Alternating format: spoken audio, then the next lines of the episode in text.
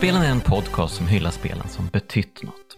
Vare sig det handlar om banbrytande gameplay-innovationer, nya narrativa nivåer eller estetiska genombrott så har alla kulturella verk som avhandlas i podden öppnat upp nya filer på den ettor och nollor drivna autoban vi kallar spelmediet. Jag heter Jonas Högberg och idag välkomnar jag tillbaka till podden Johan Hallstam. Tack så hemskt mycket Jonas. Vad kul att du är här igen. Ja, jättekul att få, få dyka upp igen och prata om ett riktigt kraftspel. Ja, eh, vad skönt för att eh, det är det vi försöker göra i podden Kraftspelen ja, också. Ja, precis. Ja, men det, det, nu, nu tror jag att vi pratar om ett superkraftspel. Det här Det är ju ett av mina, ja, föga förvånande då, absoluta favoritspel genom tiderna. Ja, precis. Jag teasade ju förut att det här var min tvåa på min Ja, topp just 10-lista. Eh, så att eh, det här känns ju verkligen superspeciellt att vi har spelat Bloodborne. Och inte bara spelat Bloodborne, vi har spelat Bloodborne tillsammans. Ja, i, i flera veckor. Det, det har liksom Ja. varit eh, fantastiskt kul att, eh, att utforska den här världen eh, tillsammans. Den som annars kan vara så fruktansvärt enslig. Mm. Ja, fantastiskt. Men innan vi hoppar in i allting, är det något vi behöver säga om dig först och främst? Uh, oj, eh, jag vet inte, gammal spelskribent, numera kommunikatör på Avalanche Studios Group. Ja, men framförallt fruktansvärt hedrad av att vara här och prata om Bloodborne. för, för jag hörde att eh, jag inte var ensam om att ha den önskan. Mm, Så att, eh, jag tycker det är jättekul då att Ja, jag, får, jag får axla den här jätterollen. Ja, alltså först och främst kanske jag ska be om ursäkt då till eh, alla andra som har velat prata om Bloodborne. Ja.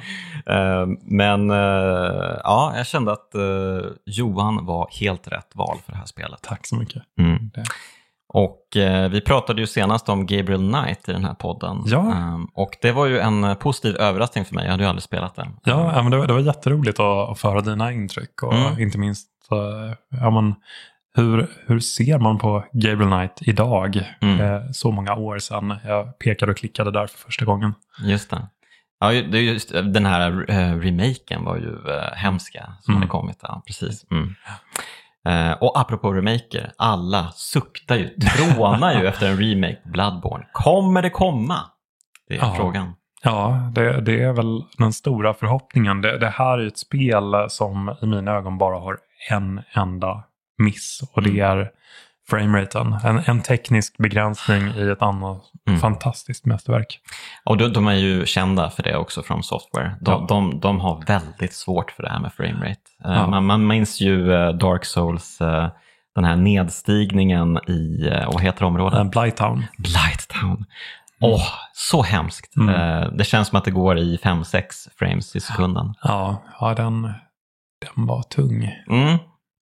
Så illa är det ju inte Bloodborne ska sägas. Det är bättre här. Verkligen. Mm. Men det, det är också ett spel som har större anspråk på eh, snabbhet. eh, Den här ursinniga fighterna som man ger sig in i. Och att när, när de når sina toppar så är det ju makalöst. Men eh, då kommer det ibland in en, en och annan frame dip som eh, Ja. tar udden ur det här sylvassa spelet. Ja, det är ju verkligen sylvast. Eh, Jag skrev i min recension i Aftonbladet för en herrans massa år sedan när spelet kom då, eh, 2014 tror jag det var. Mm. Ehm, att eh, det slog sina sylvassa 20 centimeters klor i mig och sen aldrig släppte taget. Och eh, det har ju, eh, det har ju fortfarande inte släppt taget, Bloodborne. Det har ju funnits med mig sedan dess. Ja. Och eh, jag tänker ganska ofta på det. Mm. Och på eh, den fantastiska viktorianska estetiken, den gotiska estetiken. Ehm, ja, det är verkligen ett brutalt fantastiskt spel det här.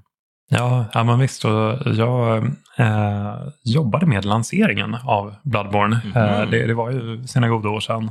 Mm. Och eh, då, då var jag på en PR-byrå som hade Playstation som kund. Mm. Och eh, det, det var ju fantastiskt att eh, då eh, få en intern presentation av Bloodborne eh, som det då var känt som Project Beast.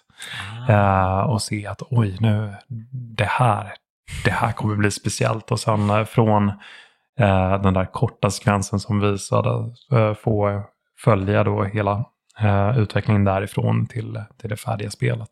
Mm. Och få kasta sig in i, eh, i ett Jarnam som eh, där eh, dagarna innan själva lanseringen var väldigt folktomt. Så att Ja, det. Mm. det fanns ju inga meddelanden från andra spelare eller Mm. speljournalister för den delen. Utan Nej. det, det var så himla ensligt. Jag minns det här också, för jag spelade ju, eh, recensionsspelade ju Mm. Bloodborne då och det var ju en eller två veckor innan spelet släpptes. Mm. Um, jag är lite osäker på, jag tror de hade speciella perioder för online-spel. Ja. Um, så här någon dag typ kunde man logga in och spela online mot andra speljournalister. Um, men det var ju ganska svårt att eh, faktiskt hitta någon att spela med. Mm. Eh, så att det blev väldigt lite av den varan.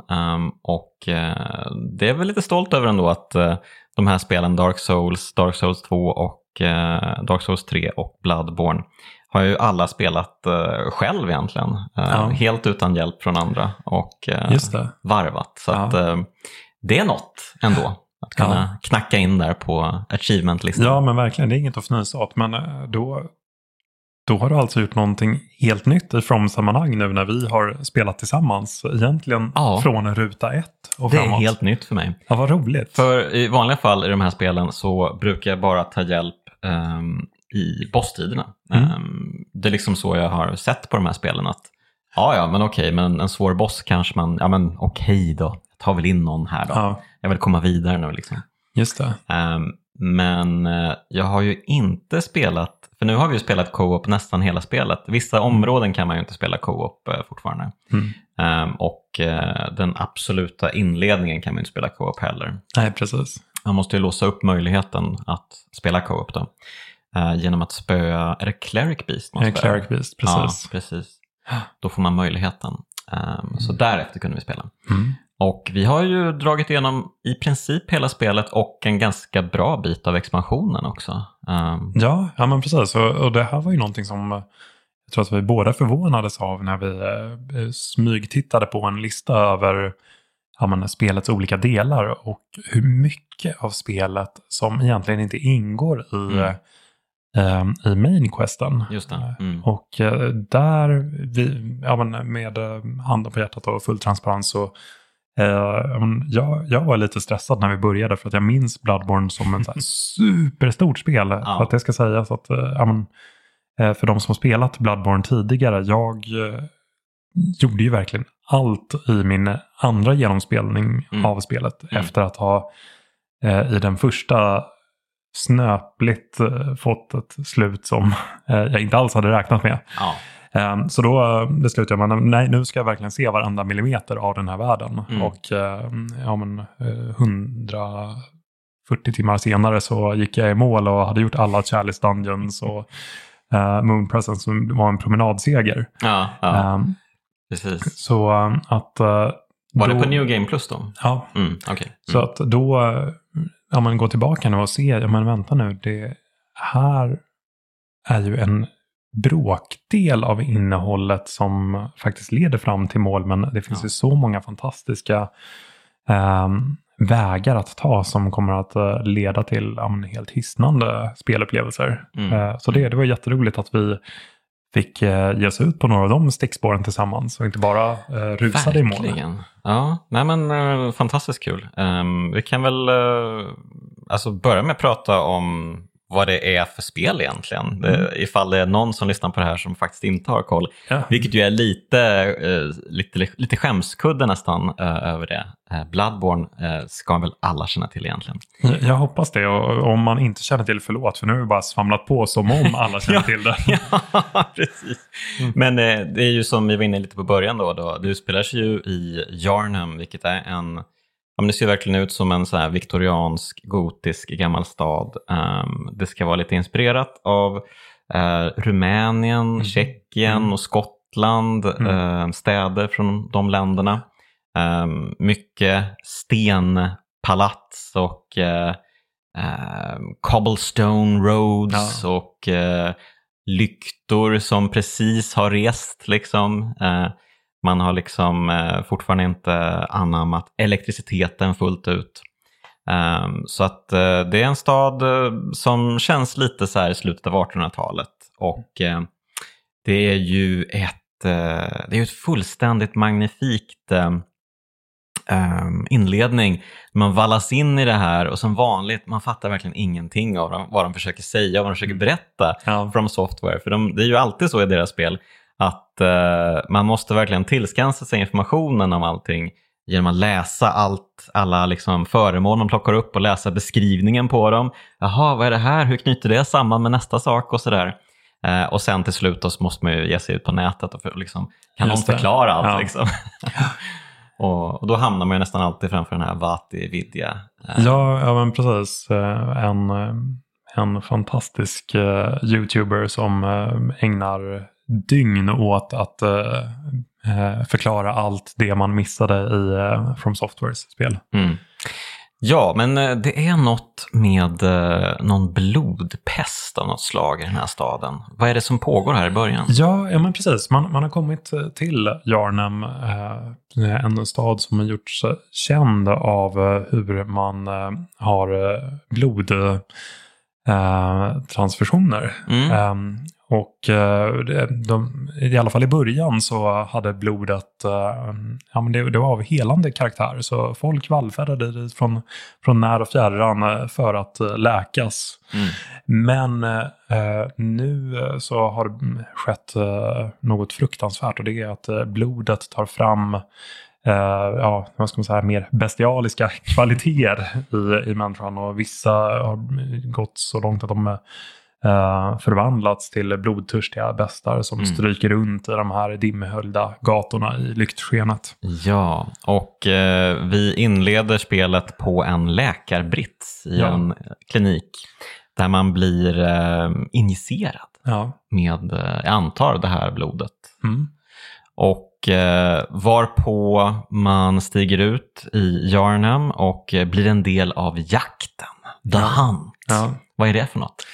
Ja, precis. Eh, Man eh, kommer ju ut i Jarnum väldigt omtöcknad. Eh, Det, den här kliniken eh, som man, eh, ja, oklart hur man hamnade där, men när man Mm. vaknar upp så ehm, är den i ett fruktansvärt skick. Eh, Man, eh, man ser vad som ser ut som en varulv som eh, håller Mm. på eh, lapar i sig blod och ganska snabbt så lägger man, i alla fall jag, eh, la benen på ryggen där. Ja. Ehm, och så kommer man ut då i, eh, i staden. eh, Mm. Och eh, det är ju bara en tidsfråga innan man biter i det sura äpplet. Det. Eh, och eh, när man trillar av pinn i, i Bloodborne så vaknar man upp eh, i Hunters Dream. Som verkar vara någon slags eh, men det är en besynlig parallell verklighet. Det är en, en liten, mycket liten ska väl säga, landmassa eh, ute i de tomma vidderna. Mm. Eh, eh, med ett, ett hus på en kulle. Mm. Eh, gravstenar eh, längs med trapporna upp mot huset. Och så finns det en eh, mycket vacker äng med blommor. Mm. Eh, och när man tar sig upp för de här trapporna så möter man en man i rullstol, eh, German, Mm. Mm. eh, som eh, kort förklarar att eh, nu börjar jakten. Mm. Eh, nu sätter vi igång. Så man eh, får välja ett vapen, i, i mitt fall en mycket lång yxa, Mm. för att jag gillar att ha saker på avstånd. Mm. Eh, framförallt när de är så eh, fruktansvärt aggressiva och bestialiska som Ja. i Bloodborne. Och sen kan man via en, en gravsten ta sig tillbaka till Jarnam. Då, Mm. eh, möjligen inte beväpnad till tänderna men eh, med betydligt bättre förutsättningar. Mm. Och där sätter då den här jakten igång och jakten är på bestarna. Att det är Mm. tillsammans med andra jägare som vars uppgift är att eh, hålla gatorna rena. Just det. Och det är genom att blodet flyter över en kullersten. Ja, och, eh, och det finns ju fortfarande normala människor kvar, men de håller sig inomhus då. Ja. Man kan ju knacka på vissa dörrar och eh, säga något enkelt till dem. Hur, hur står det till typ? Och eh, då får man ibland ett svar, dra åt fanders, Mm. eller ibland hemska skratt. Ja.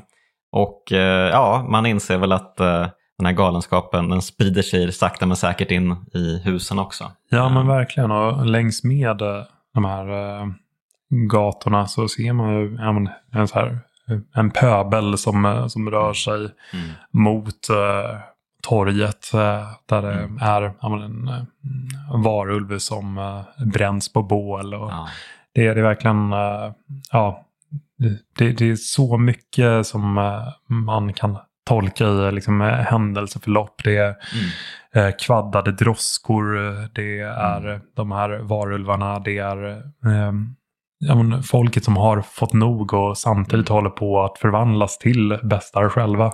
Ja, det är fantastiskt. De har ju alltid varit eh, kanske bäst i hela spelvärlden på att berätta utan ord eh, från software, eh, bara med bilder. Och det gör de ju bättre än någonsin i Bloodborne verkligen. Mm. Det, är ju, det är ju fasansfullt vackert det här spelet. Eh, när, Ja. man, när man kommer ut från den här kliniken och ser den här enorma månen hägra över staden. Ja, Det är ju en helt storslagen syn verkligen. Och eh, alla de här hustopparna som ja, finns överallt. Ehm, det, är en, det är en sån magnifik eh, vista, en sån vy. ja. Ehm, och eh, visst, det känns ju lite instängt också eftersom man är inne i en stad. Men det känns också så här storslaget, episkt, öppet och vackert. Och, Verkligen, och det, det här kommer vi säkert komma in på just hur eh, staden förändras eh, längs med resan. Mm. Men det här att man börjar, eh, ja men det, är- det kväll, det är ändå så Mm. har vi ja, men månen där. skymning som- kanske skymning, har precis fallit kan man säga. Ja, och Mm. Ja, men det, som du säger, det, det är ton, det är tinnar, det, det är en eh, otrolig vy som breder ut sig och sen just ja, men den här livsfaran som eh, lurar runt hörnet. Just har man Mm. tagit sig förbi den här varulven och eh, sen springer man på eh, det här folket som eh, ja, facklor och högafflar ordagrant. Klassiker verkligen. Ja. Ja, så det är det ju den här ja, Frankenstein-känslan lite grann. Och även om man är där som då ja, men, eh, en, en jägare Mm. så, så blir man jagad själv. Så att det, det, Ja. du tas inte emot med, med öppna armar på något sätt. Att, Nej, precis. Uh, nej, men och eh, precis som i de andra spelen då, så eh, om man spelar online så finns det ju andra jägare Ja. som är av ens egen ilk. Då.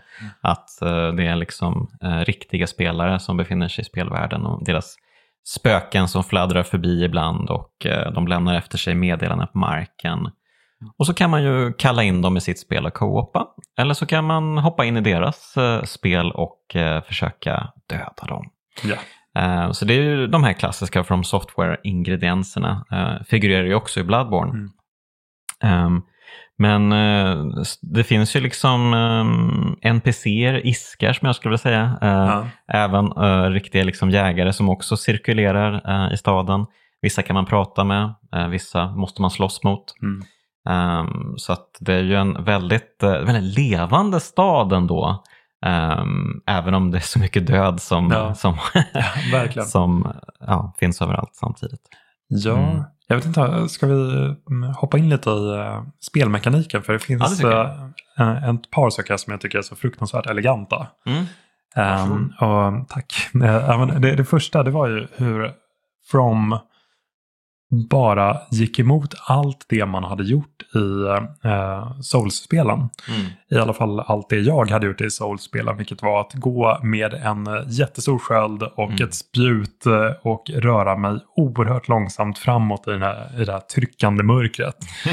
Ehm, och då, eh, det som hände i Bloodborne var ju att From plockade bort skölden från en. Mm. Ehm, gjorde ett stridssystem som var så mycket snabbare Mm. och som eh, belönar eh, aggressivitet. Mm. Att eh, när man tar skada så hugger du tillbaka eh, och får eh, din motståndares blod över dig så återställs en del av din hälsa. Mm.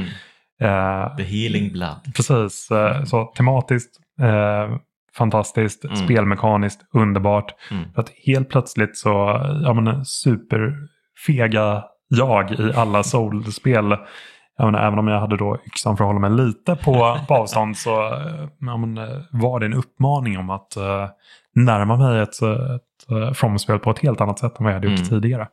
Det tyckte jag märktes också när vi spelade igenom spelet. Eh, Mm. Du var ju väldigt aggressiv. Mycket, mycket mer aggressiv än vad jag var. Ja, det, jag, det, det vet jag inte. Jag försökte ju lite backa lite ibland och så här, oj nu Mm. kanske jag ändå ska köra en. Ja. För de har ju så här blodampuller som man kan fylla på hälsan Ja. också med.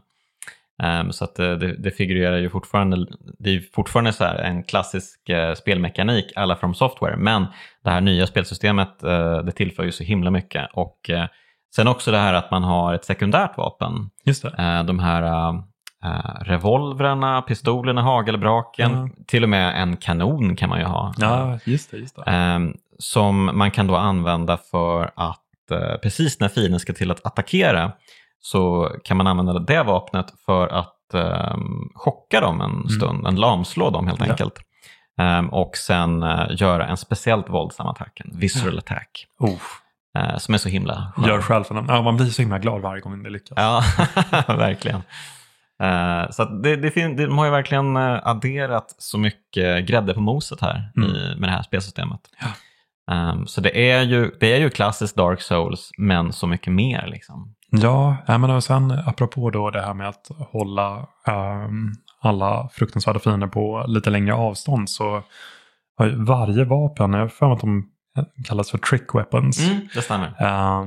eh, två former. Mm. Det ena är då att man håller eh, sitt eh, handeldvapen i den ena handen och vapnet i det andra. Mm. Och sen eh, finns det tvåhandsfattningen eh, Mm. på, för flera av vapnen, eller i alla fall möjligheten att förvandla dem till att ta hela fokuset.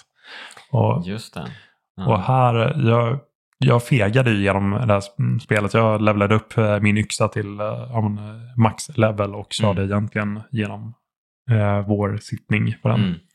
Men, men det finns ju spektakulärt eh, fantasirika vapen som jag Ja. kört med tidigare. Eh, en favorit var eh, Kirkhammer eh, som är ett svärd som eh, kan förvandlas till en jättestor eh, hammare som får ja, men, mjölner att rodna. ja, och det är ju inte bara det att eh, de, de, de gör ju så många olika variationer. Det är inte Mm. bara det att ehm, ena varianten är typ avstånd, det andra är kraft. Ja. Utan eh, det finns ju också, eh, jag spelade ju med den här, vad heter den, Tonsun. ehm, Just det. Ja. eh, det är ju en sorts... och- oj vad du röjde. men den, den Mm. funkar ju fantastiskt. vad ska man kalla det? är liksom en klubba med en stor rund grej Ja, längst upp. Är, det- är det Ehm, en morgonstjärna? det kanske är så man säger. Ja, det kanske är en morgonstjärna. Mm. Ehm, Men grejen med den är att man kan elektrifiera den och eh, göra rejält med skada. Ja. Verkligen. Man river eh, loss i fienderna verkligen. Ehm, så att, eh, och sen finns det ju myriader av andra vapen som har Mm. massa olika funktioner. Och det är ju en fröjd att upptäcka nya vapen och testa dem. Och så här, och, oh, hur kan jag använda det här på, ja, kanske inte nästa boss, för man måste ju levla upp vapnen också. Ja, ja. så att de verkligen gör skada och så. Liksom. Men, ja, men det, det finns mycket, mycket, mycket att upptäcka i det här spelet. Oh, ja. Ehm, men eh, vi började ju då efter Cleric Beast, vår genomspelning. Och Cleric Beast är ju spelets första boss. Mm. Det är ju en ganska så klassisk, eh, jättestor eh, varulvsaktig eh, sak eh, som kan göras jätteskutt och slår hårt med sina Ja. ehm, klor. Ja, den, den har ju ett ganska speciellt läte. Det är ju ett så här plågat Mm. skri, Mm. verkligen. Och samtidigt som uh, det är domedagskörer. Så att, eh, Mm. det, det är ju en eh, eh, ljudbild som hade platsat eh, en sista boss i vilket annat spel som helst. Det är så roligt, jag, jag läste faktiskt en kommentar på någon YouTube-video jag tittade på idag. Mm. Den första kommentaren under var typ, eh, typ eh, den här bossen hade varit eh, slutbossen i vilket annat spel som helst. Ja, nej. Och här är det typ bara första. Ja.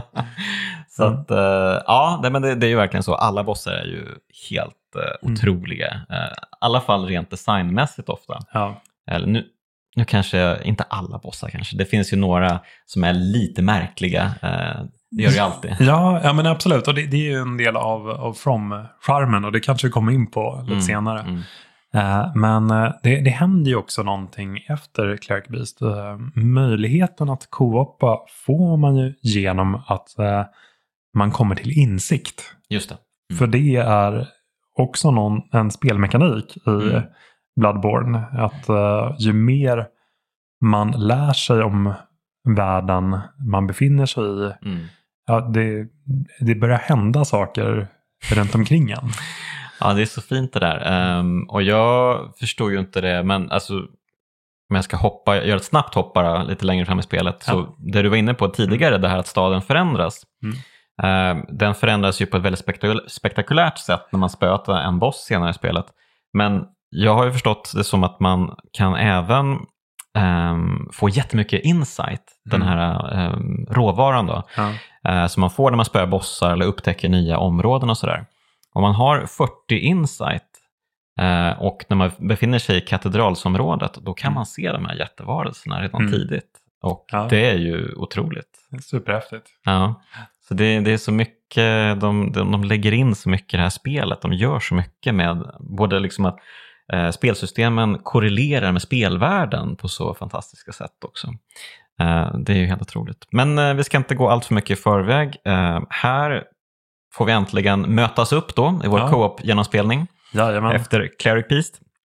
Och eh, vi begav oss ju i rask takt mot en kyrkogård där, ja men det här är ju, om man, om man minns något av Bloodborne, det finns ju många som kanske känner att det här spelet kanske ändå inte var för mig, eh, nu kanske jag hoppar av, det är ju den här bossfighten. Verkligen. Det skiljer ju agnarna från vetet. Eh, Ja, alltså det, det här är ju en jättespeciell boss på det sättet att uh, ja, From eh, brukar kunna slänga in bossar som är någon slags uh, ja, men skill check. Det har eh, systemet klickat med spelaren. mm, och Fader Gascoigne som vi kommer att möta här på kyrkogården är bland de svåraste Mm. bossarna av den här, det här slaget. När jag, när jag spelade med ja, Bloodborne eh, för första gången, det, det var ju så många försök mot Mm. den här bossen. Verkligen. Eh, men fantastisk eh, introduktion. Mm. Det är ju en, en eh, man eh, på kyrkogården som Mm. håller på att karvar upp en bäst samtidigt som han själv visar drag på att förvandlas till en. Mm. Så Eh, det är ju en jägare då, Ja. men eh, han eh, menar ju, han pratar ju med spelaren och säger Mm. att jag vet att du kommer bli en också. ja. Det är lika bra att jag tar hand om dig redan nu liksom. Lite det tankesättet.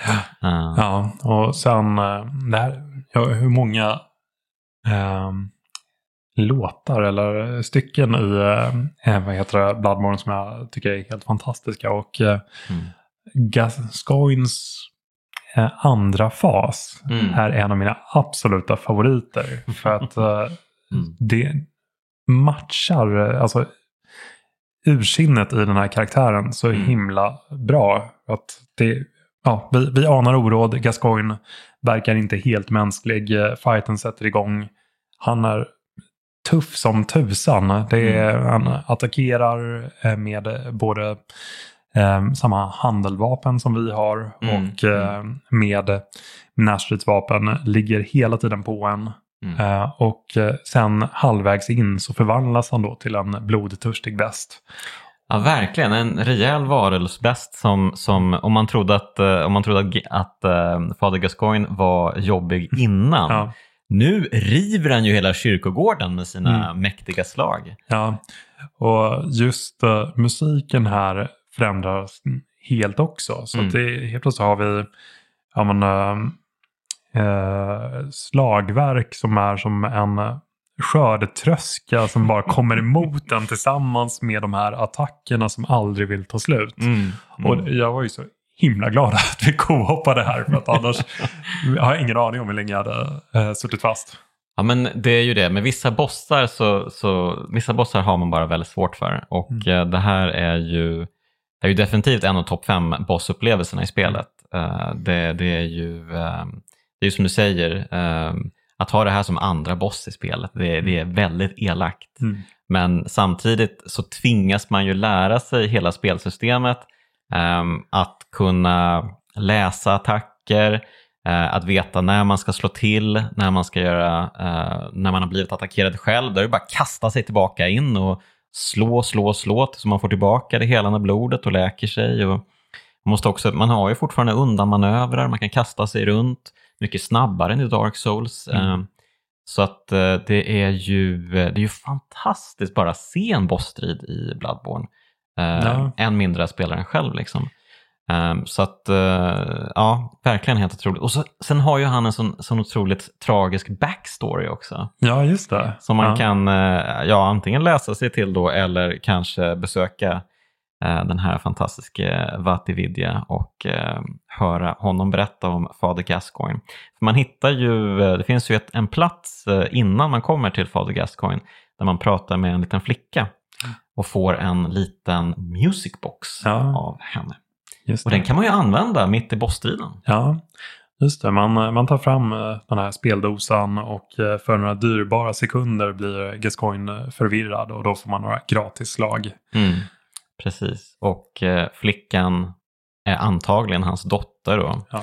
Och eh, om man sen när man har dödat Gascoigne går runt på kyrkogården så hittar man ju en kvinnas lik på en taktopp. Ehm, och det är antagligen hennes mamma då. Mm. Och då får man ju göra sina egna eh, slutsatser. Dödade han henne? Eller hittade han henne dödad och blev ursinnig och bästlik eh, som ett gensvar på detta? Ehm, så det finns ju många varianter. Men sen så finns det ju en ytterligare del med det här som jag, som jag fick veta. Eh, det är ju att om man sen går tillbaka till den här lilla flickan och pratar med henne och så kan man säga åt henne att eh, ja men gå till Odeon Chapel, eh, där, där finns det hjälp att få liksom. Mm. Men hon dyker aldrig upp där i det där kapellet.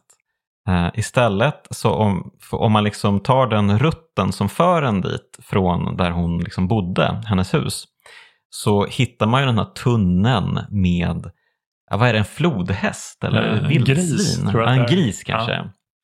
Och dödar man grisen så hittar man ju ett litet eh, eller rosettband Ja. ett vitt rosettband som hon hade på sig. Så det, det här är ju, det är ju bara tragedi på tragedi på tragedi. Ja, det är, det är sånt mörker. Eh, apropå den här grisen i tunnan. Eh, det, ja, eh, det, det är ju ett sånt himla From Software-ögonblick. Ja. Jag minns första gången man, jag tog mig ner då till de här klakerna och ja, jag hade ganska dåligt med liv och så ser jag en, en mörk tunnel och självklart så är det ju den här eh, nyfikenheten som Mm. tar över. Så jag börjar gå in i den och liksom ser konturerna av något stort. Mm. Eh, varpå jag börjar backa, men inte innan jag hör då ett fruktansvärt läte och ser det här stora komma mot mig och bara kör över. Ja. Och då, då hade jag ingen aning om vad det var för någonting heller, utan det, det var bara en mörk skugga som eh, slungade mig tillbaka till närmaste lanterna Just där man respawnar. Ja, det finns ju som tack, tack och lov finns det ju, eh, man kan ju eh, man kan gå över tunneln och sen kan man gå ner för en stege bakom och sen kan man kisa Just det, eh, ja. den här grisen bakifrån.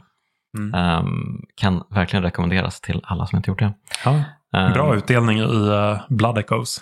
Ja, och det är ju också en sån här stor grej med de här spelen. Man, man, man får kisa. Det Ja. det är verkligen Ja. tillåtet. Ja. Gör det.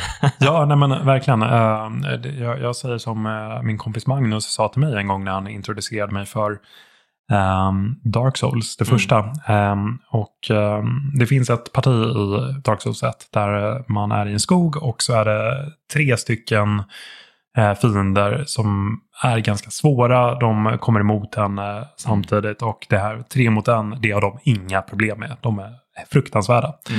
Eh, men där fanns det ett ställe där man kunde kisa fienderna så de springer över en, ett stup. Ja, Och. Magnus sa det att uh, ja, eh, Blood, eller förlåt, eh, Dark Souls kommer vara orättvist mot dig så du får Mm. vara orättvis mot eh, Dark Souls. Och det har jag tagit med mig. Ja, det, det är ju en fantastisk lärdom Ja. Ehm, och eh, råd att ta med sig till alla From Softwares spel. Ehm, det finns absolut eh, eh, saker att dyrka upp här i speldesignen och eh, det är ju också det som gör det så fantastiskt. ehm, att det går att vända Bloodborne mot Bloodborne. Liksom. Men eh, ja, så att eh, till, efter, ja, jag tror vi tog honom på i och för sig på första försöket eh, tillsammans här, eh, Fader Gascoigne. Eh, men man minns ju de många, många försöken man gjorde första gången här. Oh, ja. Det, det är ju alltid med den när man gör omspelningar. Mm. Man, åh nej, den här fienden, åh nej, den här bossen. Och sen bara, oj vad lätt det var. Mm. Ehm, men, ehm, och sen är det andra saker som är jättesvåra. det kommer ja vi till också. det kommer vi till. men vi kommer ju då till katedralsområdet då. Ja. Ehm, och här finns ju Grand Cathedral ehm, som vi inte riktigt kan komma in i än. Vi måste springa runt här och vi måste framförallt ner i Old Yarnham Mm. som är en annan del och där finns det en, en sorts nyckel då som gör att vi kan ta oss in sen till eh, katedralen. Ehm, tror jag, jag är lite osäker nu på exakt vilka nycklar och var de eh, plockas och så. Ehm, Ja, ja, men det, det, det låter riktigt men jag kan ha helt fel här. Även om vi har spelat det ganska nyligen så, ja, eller så är det ett virrvarr. blir lite osäker faktiskt, men jag tror att det är så i alla fall. Ehm, så man, man tar sig in i Old Yarnham och det är ju också en fantastisk syn. Eh, det är kanske lite skitigare, lite ruffare här. Eh, men framförallt så är det ju en kille med en kulspruta här.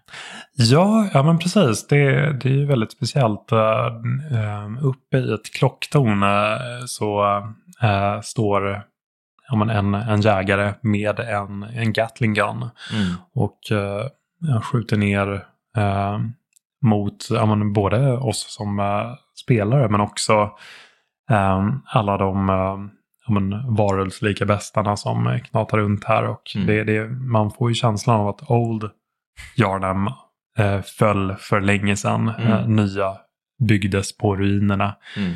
Eh, medvetet eller omedvetet om vad som fanns under där. Men det, det har bara fått, fått fortsätta. Ja, verkligen. Ja, det, är- det är en ganska tuff passage och vi hade ju ganska svårt här. Ja, Ehm, vi fick spela om precis. många gånger. Ehm, dels den här kulsprutepassagen men sen så kommer det några andra eh, grejer efteråt. Man ska springa på takbjälkar och eh, många så här horder av fiender som kastar sig över den också. Ehm, och vi, jag tror vi kisade kulsprutekillen genom att han föll väl ut för klocktornet, eller hur? Ja, men apropå Magnus eh, visdomsord. Ja. Så att, ja. Precis. Och sen så till slut så når man ner till en ny boss då, Bloodstarved Beast. Ja, och det här var en boss som jag hade fruktansvärt svårt för eh, Mm. när jag eh, spelade själv en gång i tiden. Men Mm. eh, som eh, vi klarade på första försöket. Ja. Verkligen. Ehm, Men det, det är ju en eh, fantastiskt märklig boss designmässigt. Och det, Mm. det är här, som i så många andra fiender som jag verkligen uppskattar från Software, att de, de gör inte fiender så som vi har sett fiender i så många andra spel, utan man kommer alltid att bli förvånad. Och så Mm. även i det här fallet med ja, men en humanoid eh, bäst som Ja, det, den, den saknar huvud. Eller det, det är som Mm. att det är så stora köttiga flärpar som är uppfläkta. Det, det är en jättemärklig varelse ja, som är helt ursinnig. ja. Eh, ja men den, den attackerar ju verkligen som en, ja, den är, den är på speed liksom. Ja. Den är helt, helt galen. Ehm, och eh, ja, är man två så blir ju allting väldigt mycket lättare, så är det ju verkligen. En kan ta på sig aggro medan den andra kan cirkla runt, bulta på lite bakifrån ja. och sen så, va? Är det du som slår mig? Okej, Mm. nu, nu kollar jag in dig då istället och så kan nästa hålla på sådär. Och ofta så, även i Bloodborne, precis som i Dark Souls, så ska man ju helst befinna sig eh, på en av eh, bossens sidor egentligen. Man ska ju helst inte vara bakom bossen heller. Ja, visst är det så. Eh, eftersom de ofta har någon sorts attack då som neutraliserar den. Ofta ska man ju vara på motsatta sidan från svärdet. Mm. Så att man, ja, det, det är lättast att undvika attacker helt enkelt. Då. Ja. Uh, ja, nej men uh, alltså det är ju en otrolig bossstrid verkligen, Bloodstar Beast. Och uh, även om det var lätt nu då, eh, så är det ju fortfarande en upplevelse. Ja, ja men det, det är det ju. Inte minst uh, men miljöerna runt omkring vägen hit. Att, från att ha varit i de nyare delarna av Yarnham och sett ja, men i alla fall någorlunda mänskliga uh, fiender till då att helt uh, vara i, i bästarnas klor. Och, uh, framförallt när man börjar närma sig uh, Bloodstarred Beast så kommer man även det är till de här ganska dimmiga områdena och helt mm. plötsligt är ett par ögon som lyser upp och någonting som försöker kasta sig över den. Mm, så att, mm. ja, det är fantastiskt stämningsfullt. Och så utspelar sig ju striden i en kyrka också, ja. vilket ger det ytterligare lite gravitas. Oh ja. Så fantastiskt. Uh, ja, och uh, sen tror jag i alla fall att vi gav oss upp till katedralen. Ja, var det så? Precis, nu, nu blir jag osäker här. Det, det... Man, man springer ju runt mycket i katedralsområdet. Mm. Um, och vi var ju tvungna att uh, låsa upp att man kunde spela co-op också. Man var tvungen ja. att öppna portar där. Så att, uh... Ja, nej, men precis. Och då uh, var det mot uh, Vicar Amelia.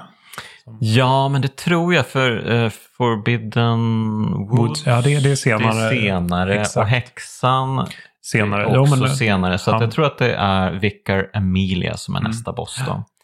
Och det är ju, det är ju inne då i den stora katedralen. Mm. Eh, också en sån här kyrklig atmosfär och eh, det är ju en, en kvinna då, um, the vicar. Um, vad blir det? Biskop? Nej. Osäker. Ja. Någon, någon, får korrigera här Hemskt gärna. Eh, men hur som helst, hon står ju där och ber och förvandlas plötsligt då till ja. en otrolig, um, ja, vad, vad, vad, är det för typ av bäst? Är det någon sorts um, vargliknande? Ja, ja, men precis. Någonstans i gränslandet där mellan hund och varg. Och, mm. och återigen, ja, lite som Cleric Beast, att det är väldigt plågat läte. Mm. Um, uh, det From gör så himla bra. Alltså, är introduktionen mm. av, av sina bossar. Att vi, mm. vi pratar eh, sekunder men ändå med eh, ett otroligt skickligt kameraarbete så, så fångar man mm. både vem bossen är och hur, eh, ja, hur det kommer att te sig när eh, den ja. förvandlas eller blir varse om att man är i samma rum. Och det, ja, fantastiskt. Ja, de, de teasar det som komma skall ja. på ett mm. fantastiskt sätt. Ja, verkligen. Um, och sen nu, nu uh, kom jag på att vägen till uh, Vikarmelia, mm. då, då börjar ju uh, kyrkan, alltså det som maktfaktor i Bloodborne, mm. göra sig påmind i fienderna. Mm. Så att vi har ju uh, dels ja, men de här Eh, männen med eh, lyktor och eh, breda hattar. Ja, de fruktansvärda mm. fienderna. Mm. Ja. Och sen deras muterade kusiner, otroligt stora mm. bestar med, som släpar tunga vapen bakom sig. Så att, mm. mm.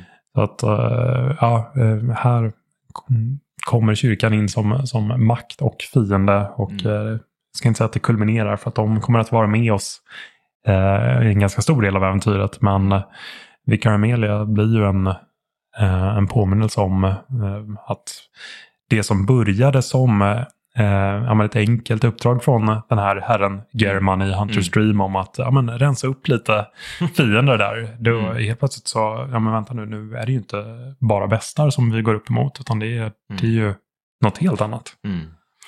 Verkligen. Um, ja, och det, vi, vi under, vi pratar ju inte kanske om allt som finns i spelet nu, eh, för det finns ju så himla mycket. Och eh, då finns ju en sån här klassisk eh, Dark Souls-ögonblick där man ska hoppa ner för en, en jättebrunn eller liksom klyfta eh, på olika plattformar och eh, försöka träffa rätt på plattformar. Och sådär. Det är ju en sån här klassisk inslag ja, verkligen. Ja. Um, och här kan man hitta fler hemligheter um, och uh, andra områden och sådär. Så det finns jättemycket att se här. Det finns en jättemärklig fiende med uh, tentakelmun som lurar i ett hörn till exempel. Ja, just det. Just det. det finns jättemycket att se helt enkelt. Um, och, men då, uh, om man vill ta en liten exkursion så kan man åka och spöa en häxa. Mm. Um, Hemwicks Channel Lane, uh, eller Charnel Lane kanske. Ja.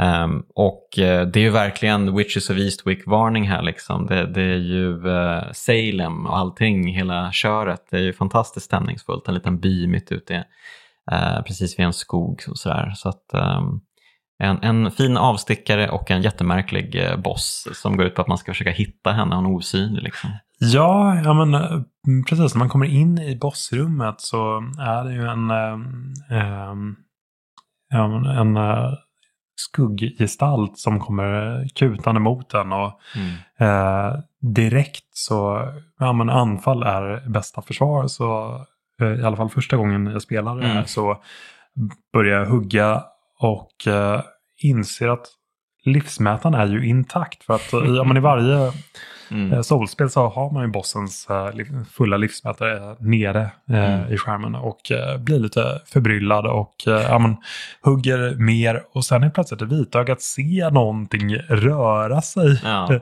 och då bara, men vänta nu och där är en otroligt krum figur som då är den riktiga häxan som mm. är snudd på osynlig. Mm. Och From har, har ju många gimmickfighter under bältet. Men uh, jag skulle säga att det här är en av de som jag tycker är absolut roligast. Jag håller med. Uh, det finns ju en annan gimmickfight som vi inte spelade uh, mot typ utomjordingar, ufos. Ja. som befinner sig i en liten trädgård. Ja. Um, som jag bara tycker är töntig och larvig. Liksom. Men den här är ganska cool just för att den är, de har tänkt till en del. Um, mm. Man måste ju akta sig för de här farliga um, bulvanerna ja. um, som har ganska starka attacker som glider runt i bossrummet som blir fler och fler. Um, samtidigt måste man, och häxan hon uh, gör ju kopior av sig själv ja. Uh, ja. så man måste hitta dem också. Um, och uh, ja men kul att det inte bara blir det här klassiska anfall, anfall, anfall, dodga och sådär utan det är kul att de försöker utvidga ja. våran, eh, våran bosskännedom här. Men eh, ja, men vill man fortsätta framåt i spelet, då ber man ju sig ner i Forbidden Woods, tror jag det heter. Ja, ja men precis. Så, ja, det, det här är ju ett spektakulärt jobbigt område. Mm. Eh, både sett till, till fienderna som huserar där och eh, nivådesignen där, mm. där jag sprang vilse både en och två gånger. Mm.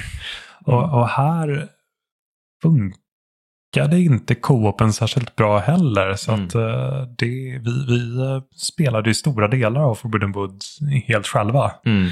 Det var roligt, var någon gång som eh, jag, eller var det du kanske, någon av oss kom in i den andres spel mm. och sen precis hamnade på en fälla som gjorde att det, liksom, Jaha, det svungade ner en grej rakt i ansiktet så att man dog direkt. Ja, nej men, ja, precis. Det var jag som kom in i ditt spel och du hade råkat trampa snett. Så att jag, jag fick den här stora spikiga mm, trästammen i huvudet. Så, ja.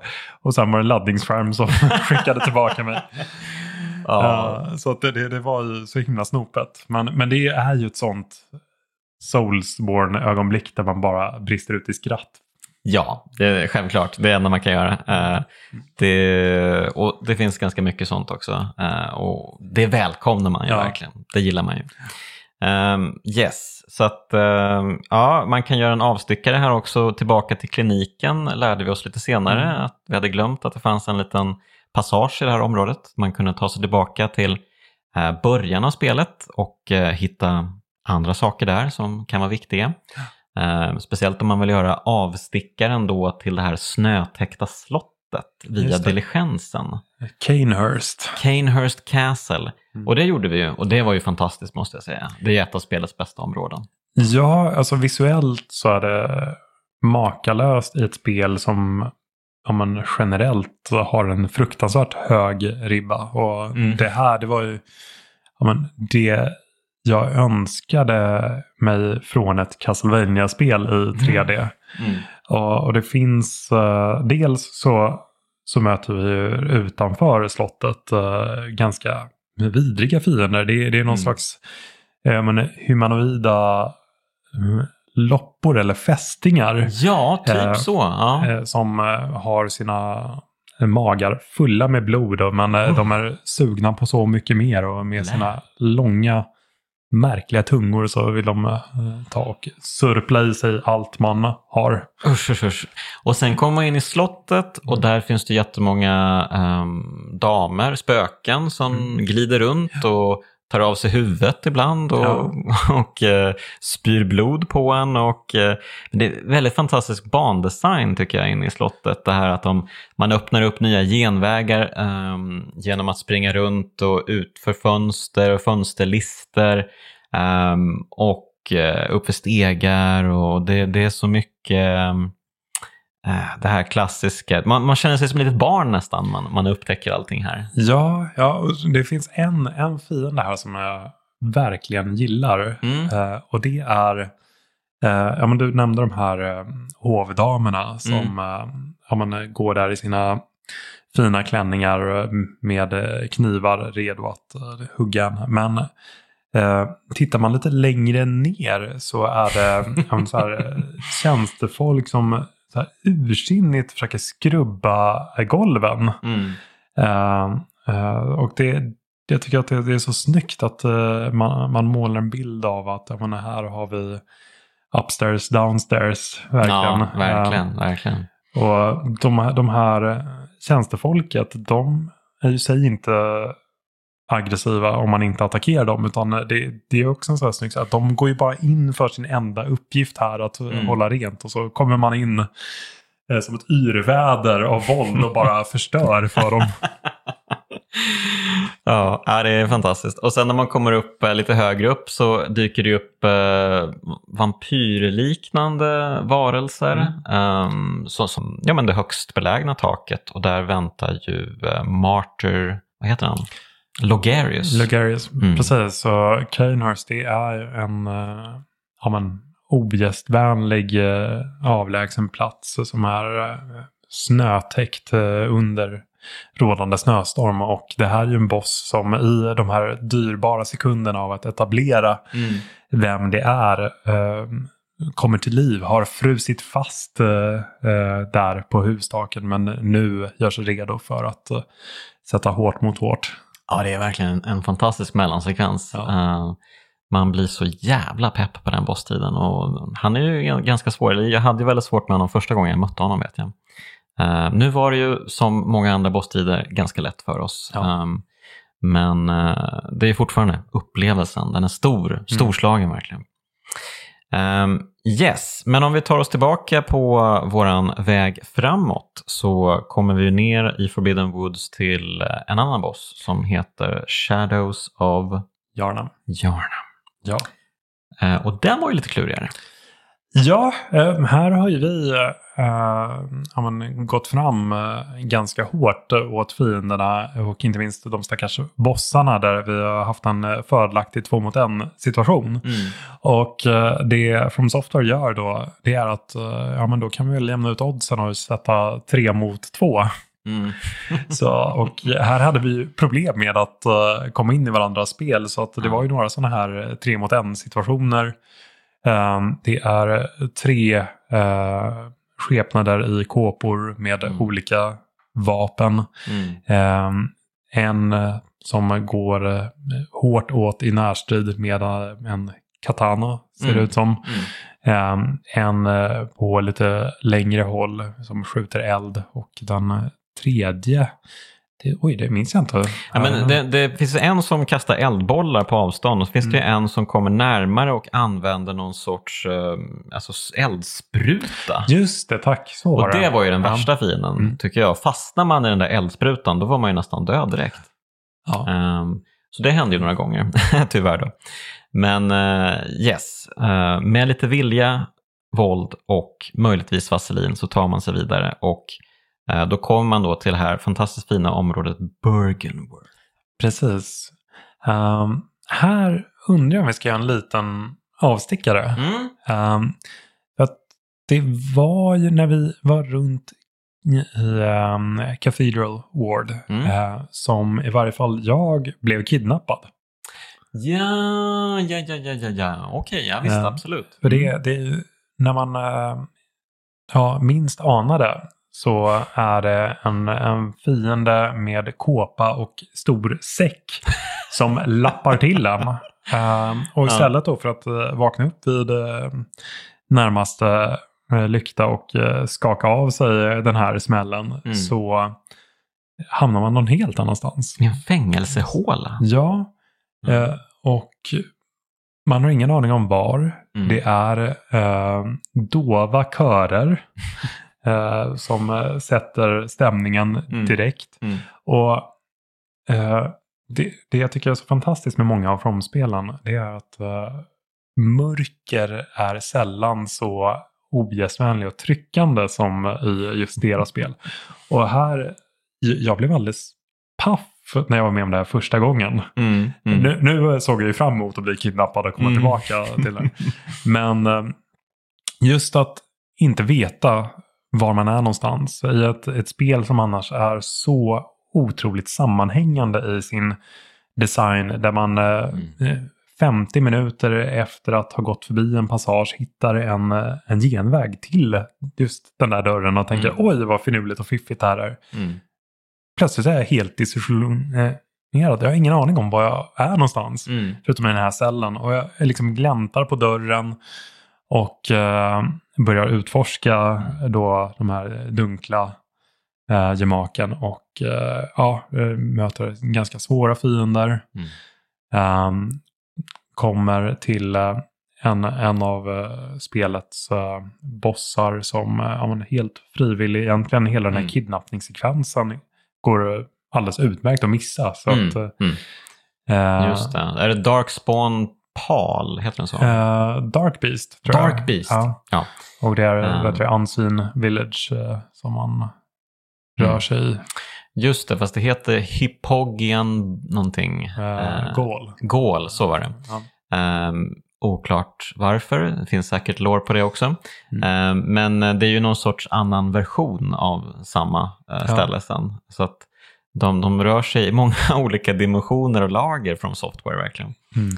Och eh, ja, men bara det att man blir kidnappad av en kille med säck, Ja. hamnar i en fängelsehåla och eh, ska försöka kämpa sig ut därifrån. Det, det är helt makalöst, helt fantastiskt. Första gången man, det här händer så sitter man ju bara och baxnar. Bara, vad, vad är Mm. det som pågår? Vad händer i det här spelet egentligen? Ja.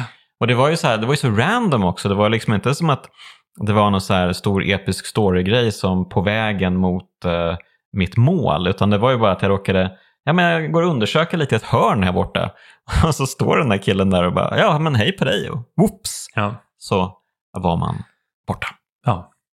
Ehm, så ja, man, man, man, man förundras ständigt och eh, just det här med kidnappningar eller försvinnanden av olika grejer, det återkommer ju i många andra From Software-spel också. Verkligen. Ja, eh, det är ett litet stickspår eh, på, på vägen till eh, Bergenworth.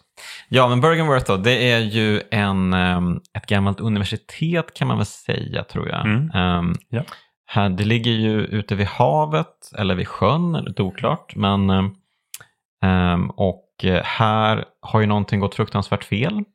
Eh, Som det ofta gör. Som ja, överallt Ja. i den här världen.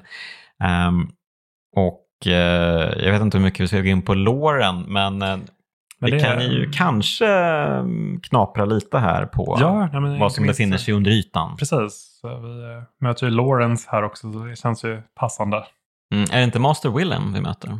Ja, är det inte mellansekvens? Eller det kanske är en annan... Ja, just det. Mellansekvensen, den Mm. dyker ju upp, ja. Precis, du har rätt. Eh, men, men gubben uppe på taket innan bossstriden här, Ja. det är Master Willem. Ja, mm, precis. Precis. Ehm, och ehm, om man ska då gå tillbaka lite i tiden innan eh, den här tidsperioden ehm, så kan vi ju gå tillbaka till allra början då. Hur blev det så här egentligen? Mm.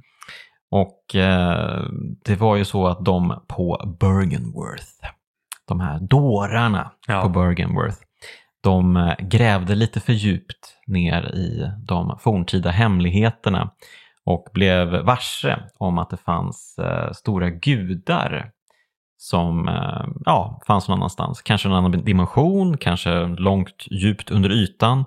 Men de började bli besatta av att kunna kontakta dem och kanske själva uppnå gudastatus. Ehm, så då eh, var det då den här eh, Master Willem som styrde Bergenworth Mm. och eh, han hade då en lärling som hette Lawrence. Och Lawrence han ville använda blodet. Ja. Det gamla blodet. Mm. Och det varnade Master Willem för. Nej, nej, nej. Fear the old blood. Men eh, det ville inte Lawrence lyssna på, det örat. Så han tog ett gäng likasinnade med sig, eh, flydde Bergenworth och startade The Healing Church, då, den här kyrkan Precis. som eh, vi ser i Yarnham. Och eh, många av hans eh, fränder dyker ju upp som bossar i spelet också. Eh, kanske vi kommer återkomma till lite senare. Mm. Eh, men ja, Master Willem blev kvar i Bergenworth och eh, han blev allt mer besatt av andra saker. Han ville, han ville ha massvis med ögon för att kunna se. Han ville ha den här insighten som, som vi tillskansar oss eh, när vi vet mer om världen i Bloodborne. Precis, och här kom nu verkligen ett nytt lager. Från att eh, vi bara har rört oss eh, i, som en enkel jägare i Jarnams uh, dimmiga kvarter till att vi möts av bizarra fiender med, uh, apropå ögon då, väldigt många ögon. Mm, mm, eh, flugliknande varelser, Kanske tidigare eh, elever, elever. möjligen. Mm. Eh, och den här Master William som eh, vill komma i kontakt med de här gamla gudarna. Mm, mm. Eh, så att eh, omfånget av Bloodborns värld och anspråk har liksom utvidgats på ett ganska hiskligt sätt under de här timmarna som vi uh, har spelat. Ja, det är, men det är en väldigt mysig plats ändå, eh, Bergenworth tycker jag. Li- ligger fint där vid vattnet. Ligger fint vid vattnet och eh, ja, men det är trevligt. Och eh, när man väl då eh, gör sig redo för bossstriden, då när man går in i bossdörren så möter man ju Master Willem först. Han Mm. ligger ju i en um, gungstol, gungar och tittar ut över Ja. vattnet, tittar på Mm. månen som befinner sig där. Um, minns jag inte exakt, man kan ju prata med honom, han säger någonting. Ja, och bara pekar mot, mot en avsats. Så kanske det precis. Och eh, man kastar sig ut för den avsatsen och faller genom vattnet. Mm. Men ändå landar man på en, en plan och eh, hård yta med vanlig gravitation. Ja. Det, det är ju också ett fantastiskt ögonblick. Och sen så faller det från himlen en massa spindelvarelser Ja. lite längre bort. Och eh, en gigantisk, eh, ja, typ spindel, fast inte riktigt spindel kanske. Nej, Det har ju inte hon- massa ja. ben liksom. Hon heter ju det, Rom the Vacuous Spider. Ja, Men eh, ja, det, det är väl spindeln med världens kortaste ben kan man säga. kanske. För att hon har Det är mycket kropp i alla pyttesmå fall. ben. Mm, Precis, mycket kropp, mycket små ben. Ja. Och det här var ju en brutal bossstrid för oss. Ja, och det, det är... Ja, den första gången eh, jag spelade Bloodborne så var det här en promenadseger. Så, Det var det? och här Okej. sprang vi in i, i en vägg, verkligen. Ja, verkligen. Eh, men det är ju knepig boss med olika faser. Eh, när man har bultat på Rom ett tag så teleporterar hon bort sig och tillkallar nya spindel-minions, nya spindellakejer. Och har man inte gjort sig av med de tidigare spindellakejerna så är de kvar också. Ja. Så det kan ju bli en riktig persa där man vadar igenom de här mindre fienderna eh, samtidigt som man försöker ta sig fram till Rom och, eh, och hon har ju fruktansvärda area of effect-attacker också som Hemskt verkligen. laserstrålar så- från himlen och ja, det är verkligen det är brutalt. Ja. Och vi hade ju till och med en extra, en, en, en isk med oss in i Mm. fighten några gånger. Och inte ens det. Nej, det var tufft. Men eh, ja, till slut så. Ja. så gick det här vägen också. Och då kommer ju en av spelets absolut häftigaste mellansekvenser. Mm. Det här när blodmånen faller ner på spelaren och trycker ner spelaren. Ja, Det, det, är så, det är så bisarrt. Så maffigt. Det är otroligt maffigt. Och man, man fattar inte. Vad är det som händer? Igen! Ja, Ja, men det är Bloodborne. ja precis. och när man eh, då kommer tillbaka till Jarnam så Mm. är inget sig likt. Precis, och här pratade vi pratade ju tidigare om att det kan hända saker då eh, om man har mycket insight. Men nu har man ju även fått en annan sorts insight då. Man har fått en annan, tack vare eh, att man spöt ROM då, så har man ju, eh, då kan man plötsligt se det man inte tidigare kunde se. Och vad är de här varelserna man ser? Ja, nej, men det, dels så tittar man ju upp mot den här eh, dramatiska eh, himlen då med blodmånen och eh, den lila eh, Mm. eh, färgen som breder ut sig. Så det, Mm. det är verkligen någon, ja, någonting sjukligt som man har Mm. trätt in i. Och eh, på, mm, fast eh, vid de här tornen och tinnarna som man har blickat ut över tidigare och förundrats över arkitekturen är det nu ja, men, eh, enorma, eh, återigen lite spindellika varelser som eh, klamrar sig fast och ja, bara är där. Mm. Eh, Ja, just det. De kallas för amygdalas. Ja. Och vad är en amygdala? Det är ju en del av hjärnan. En del av hjärnan. Ja. Eh, Vad försöker de säga oss här? Ja, jag vet inte. Vi kommer till insikt. Vi kommer till insikt, så är det. Eh, Mm. Och det, det är här jag vill göra mitt case för att eh, Bloodborne är ett av de bästa Lovecraft-spelen Mm. som inte utger sig för att vara ett Lovecraft-spel. Ja. För att eh, jag, jag älskar Lovecrafts eh, eh, berättelser. Framförallt det Lovecraft pekar på. Det här med att man som människa är oerhört liten och betydelselös i ett större sammanhang eh, som man inte har någon aning om. Oftast när man eh, får en skärva av insikt så blir man spritt språngande galen av, Mm. av den. Mm. Och eh, det, det har kommit jättebra, ehm, eh, vad heter det, eh, Cthulhu-spel. Mm. Ja, vi pratade tidigare om Call of Cthulhu till Xbox. Ja, precis. Eh, ett spel som har en helt makalös inledning. Mm. Eh, varm rekommendation att spela om inte annat bara för den. För att det, det är så otroligt nervigt. Man, man tar sig till den här sömniga hålan vid vattnet Innsmouth och Mm. eh, blir varse om att allting inte riktigt står rätt till. Och när man Mm. Går och lägger sig eh, på värdshuset där eh, framåt eh, natten, ja då, då får man alla sina värsta farhågor besannade. Mm. Men eh, titeln på spelet, det, det är ju liksom varudeklarationen att okej, Ja. du kommer att råka ut för något Lovecraftianskt här. Ja.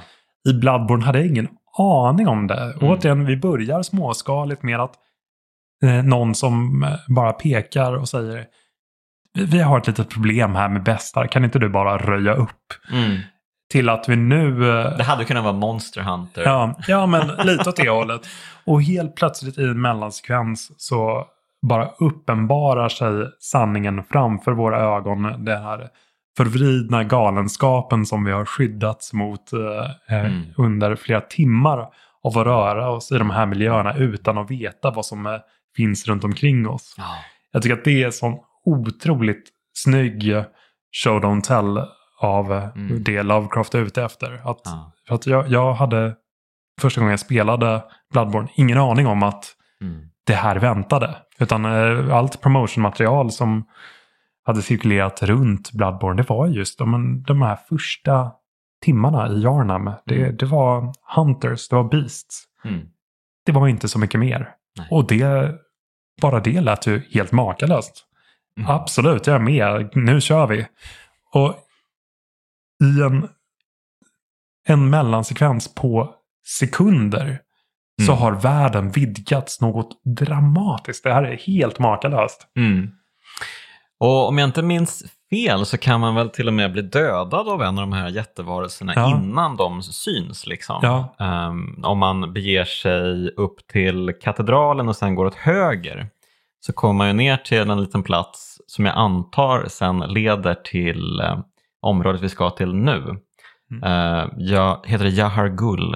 Uh, något i den stilen va? Ja. Ehm, och där så befinner ju sig en av de här eh, amygdalorna Mm. eh, som man inte kan se då. Den plockar ju upp en och eh, klämmer sönder den. Ja.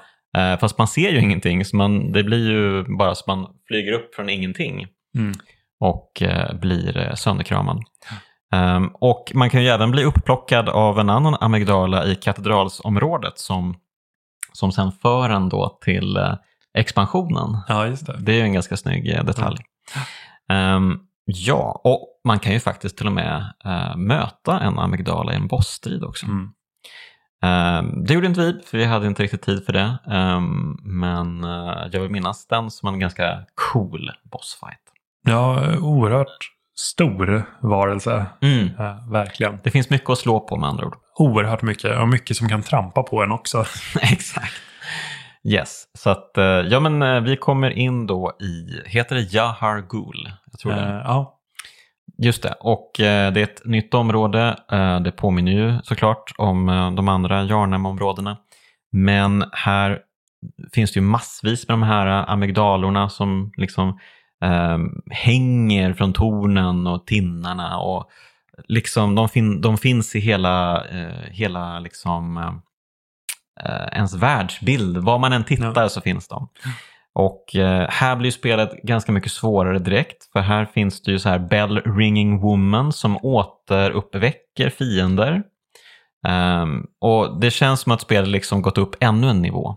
Okej, okay, nu, du trodde att du var bra på det här nu. Okej, okay, mm. Face this. Ja, Nej, men eh, visst då har man inte eh, lärt sig hata Bell Ringing Womans under spelet eh, hittills så är det här ett utmärkt tillfälle. Det, det är också de här eh, finerna som eh, kallar in eh, illasinnade spelare som mm. bara vill göra livet surt för en. Just det. Ja. Eh, nu, nu råkade ju inte vi ut för någon, någon sån.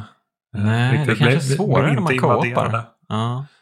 Nej, men Nej, när, när jag körde första gången då, då var det ju hemskt varje gång man co-opade och um, mm. en bell ringing woman stod någonstans gömd bakom någon pelare. Mm. Så, så, att det första jag försökte göra det var ju alltid att hitta den här för att uh, sätta stopp för mm. risken att någon skulle invadera under ett uh, ja, känsligt uh, skede. Mm. Ja, nej, precis. Eh, det är, ju, det är ju bland det hemskaste man kan se på skärmen. A bell ringing woman ja. uh, has appeared, eller står. Och att hon eh, ringer sin sinister bell. Just det, just det, precis. Uh, ja. ryser bara jag tänker på det. Ja, men det finns ju mycket, mycket hemska, många hemska saker här verkligen när man tar sig ner i Hargul. Um, och Eh, då börjar man plötsligt se, ja men vänta lite nu här, det här är ju det här området jag, jag blev kidnappad till förut. Mm. Jag är här nu, okej, okay, wow, häftigt. Men det är inte riktigt samma, det är några, det är några fiender som är annorlunda och några saker som vi... Vi stötte ju bland annat på tre äh, jägare tror jag. Ja. I ett stort rum ja. som var väldigt kluriga. Oh ja. Um, ja, det var, det var en sån här bossfight som Eh, när man väl hade lyckats ta en så dog man. Eller det var ju inte ens en bossfight. Mm, det, var, det, ja, det var ju liksom bara en vanlig encounter. Bara det, det var de här tre iskarna liksom, eh, som anföll, eh, jägariskarna. Då. Um, men så fort man dödar en så försvinner ju den för alltid. Så vi fick ju liksom bara, okej, okay, det här var brutalt verkligen. Um, och då kanske man kan kisa lite, springa ner för trapporna, få med sig en medan en är kvar där uppe och sådär ja, man får tänka lite outside the box helt enkelt um, och uh, försöka göra livet lite, lite lättare för sig. Ja, absolut. Och sen eh, när vi var klara med dem, eh, kommer ut eh, på huvudgatan, mm. eh, då, då kommer mardrömsvarianten av en gubben i lådan. ja, verkligen. Alltså vilken underbar fiende. Ja. Eh, och det, det, är ju så roligt. Eh, jag tror, det kommer ju upp en för trappan direkt, men, ja. men eh, den, den bästa är ju den som kastar sig ut från en vagn helt plötsligt. ja. Eh, det är så bisarrt, hur har den fått plats där inne? Det är helt sinnessjukt. De är ju gigantiska. Och som du säger, det är ju liksom en, en, en låda som liksom väller över av eh, ondska typ bara. Ja, ja men det är en så här oformlig massa av ansikten och armar mm. som eh, ja, men, eh, ganska besinningslöst sätter efter den. ja, det är jättefint. Eh, och sen så är det ytterligare en liten brutal passage där det är mycket fiender som anfaller från alla håll och kanter. Man kan springa på en bro ovanför och det finns en teleportör helt plötsligt. Jaha, Ja. okej, nu kastar vi in sådana saker. Okej då. Ehm, och sen så kommer man ner då till The One Reborn. Ja. Eh, också en bossstrid som, i alla fall när vi spelade eh, med mig då, så hade vi förvånansvärt svårt eh, med den. Eh, jag, råk- Ja. jag råkade framförallt ut för några area of effect-attacker som jag borde undvikit. Eh, Ja, nej, den, den, eh, den är ju... Återigen, eh, nu får lyssnarna ursäkta, men sekvensen på bara några sekunder när den etableras och liksom dyker upp ja, reva i himlen Mm. och så är det då ja, men lite gubben i lådan-stuket. Något stort oformligt som bara väller ner. Eh, kroppsdelar löst sammansatta och Mm. med eh, groteska area of effect eh. Ja, precis. Det, det är mycket, ehm, det är ju inte, det är ju inte eller vad är det, gift eller något. eh, Det är ju någonting som, det, ja, men det är någon sorts gifthav hav den, den liksom breder ut. Ja, ja, men den, Fast det är inte gift riktigt, det är någonting annat. Ja, Ehm, man, man vill ogärna stå i det. Men det där är. har vi det. Där har vi det. Ja. Man vill inte stå i det. Mm. Man vill inte bli fångad i det. Ehm, ja, och när man väl har dödat den här saken så går man upp för en trappa in i ett Mm. rum och möts av ytterligare en syn man, man inte tänkte man skulle få se.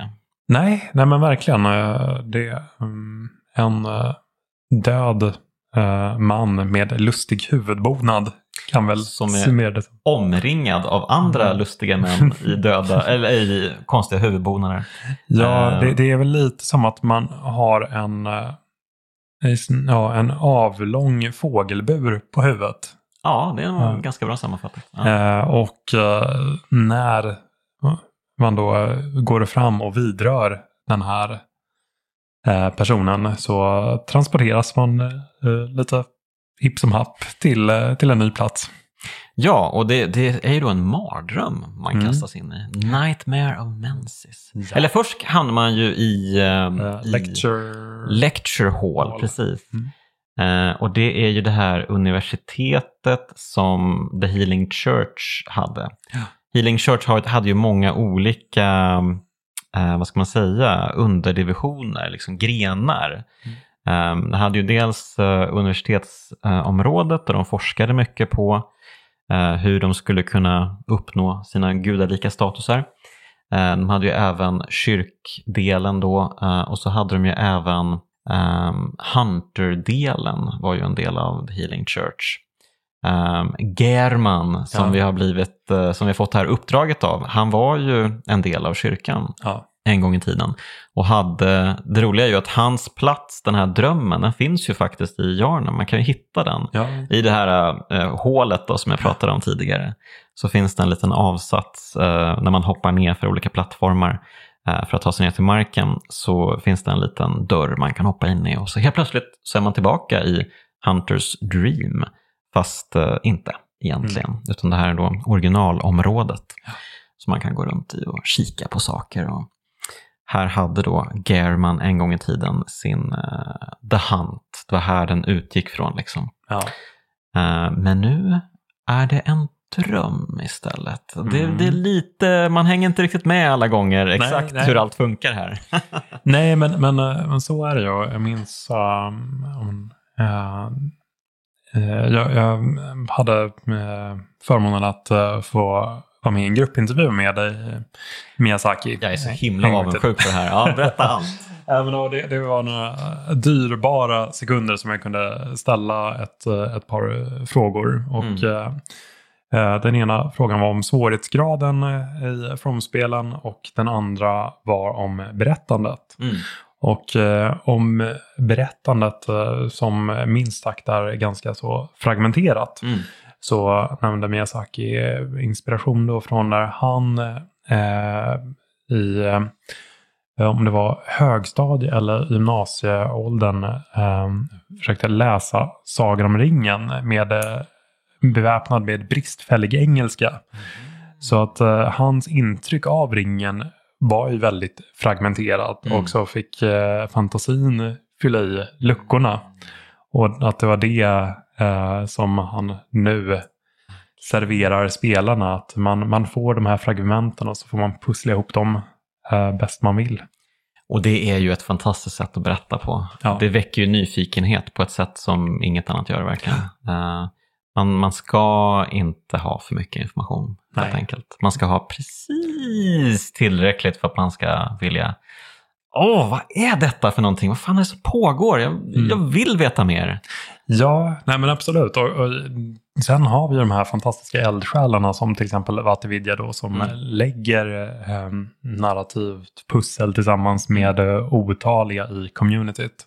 Mm. Och eh, jag, jag vet inte, jag har liksom aldrig stört mig på hur det här presenteras i From-spelen där jag säkert hade haft betydligt mindre tålamod i andra spel. Mm. Eh, och jag har funderat lite på varför det är så här. Mm. Och eh, jag, jag tror att för mig är behållningen av ett From-spel så mycket mer än bara storyn som berättas. Mm. Eh, så att det, det är lite som eh, ja, men om man har varit ute och rest och eh, ja, men, säg att du har varit i eh, ja, men, Venedig, bara tagit i luften. Mm. Och eh, sen eh, haft en jättehärlig semester där. Mm. Du kommer hem och eh, nämner det för din kompis som råkar vara expert på romarriket och som Mm. helt plötsligt bara börjar fylla i med så här fakta kring de platser du har besökt. Mm. Och lite så är mitt förhållande till Vatividja. Att jag får Mm. ju en, en fullgod upplevelse i Bloodborne Ja. för mig. Och sen har jag någon som kan addera så mycket mer till den upplevelsen i efterhand och sätta Mm. saker i sitt sammanhang. Mm. Ja, jättefin liknelse. Det är ju verkligen exakt så. Mm. Mm. Och eh, bara för att jag själv hade varit så irriterad på det om eh, jag hade lyssnat så ska jag bara kort säga det här med svårighetsgraden och, och eh, vad Miyazaki sa om det.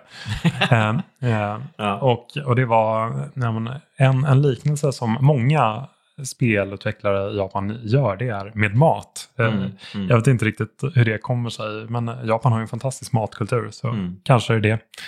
Eh, och eh, Miyazaki nämnde då att eh, han, hans spel är som en stark eh, chili-maträtt. Mm. Att eh, det, Mm. det är till en början, eh, ja, men det kan vara lite svårt att eh, uppskatta Mm. styrkan eh, i en maträtt som man inte är van vid. Mm. Men när man vänjer sig så börjar man skönja då nyanserna i den här Mm. chilin och eh, sen uppskatta den. Och eh, ja, jag har ju lärt mig äta stark mat på senare år och även spela Tack Soulsborns. vare Soulsborne-spelen.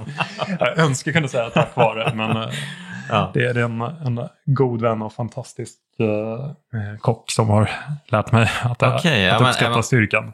Men då kanske man också ska inflika att eh, ja, stark mat är all ära, men de, de, de här uh, Soulsborne-spelen är väl typ Hot Ones-varianten av, av det. Liksom. det I Ja, alla fall inledningsvis. ja, ja Mm. verkligen. Det, det ät en Ghost Pepper och sen tar vi det därifrån. Sen spelar vi Bloodborne, precis. Ehm, ja, var var vi nu någonstans? Ehm, Um, ja, men vi, vi hade väl tagit oss eh, till The One Reborn. eh, Mm. och nätt och jämnt lyckats undvika den här area of effect. eh, så var det. Vi hade tagit oss in i universitetet. Ja, just det, det stämmer. Och eh, där, där var vi inte särskilt länge. Nej, nej, men det man... Men man kan vara där ett bra tag. Ja, och ja, det som verkligen understryker att det är ett universitet det är de här stackars eh, eleverna. Mm. eh, som, Slembobbarna. ja, de, de har bara smält i någon slags stearinljusfigurer som rör sig framåt sakta. De ser fantastiska ut. Ja. Ehm, ja, och de är lite luriga också. De, de gömmer sig i alkover och gångar och smyger Ja. sig på. Ja, Mm. Eh, ännu en härlig fiende i repertoaren. mm. Ehm, och eh, ja, men här kan man utforska ganska mycket egentligen. Det finns massa rum att springa in i och hitta föremål och sådär. Det är väl härifrån man tar sig till amygdala-delen också? Är det ja så? precis. Nightmare Frontier kan man ta sig till här. Ja. Eh, Men eh, vi kastade oss vidare eh, in i Nightmare Mensis som Ja. man når via en dörr här helt enkelt. Ja. Man bara går, in, går igenom. Ja, precis. Man, man är ju en mardröm nu. Så att, mm, jag menar, anspråk på att saker och ting ska vara fullt rimliga, det, de, de kastar vi Mm. åt sidan.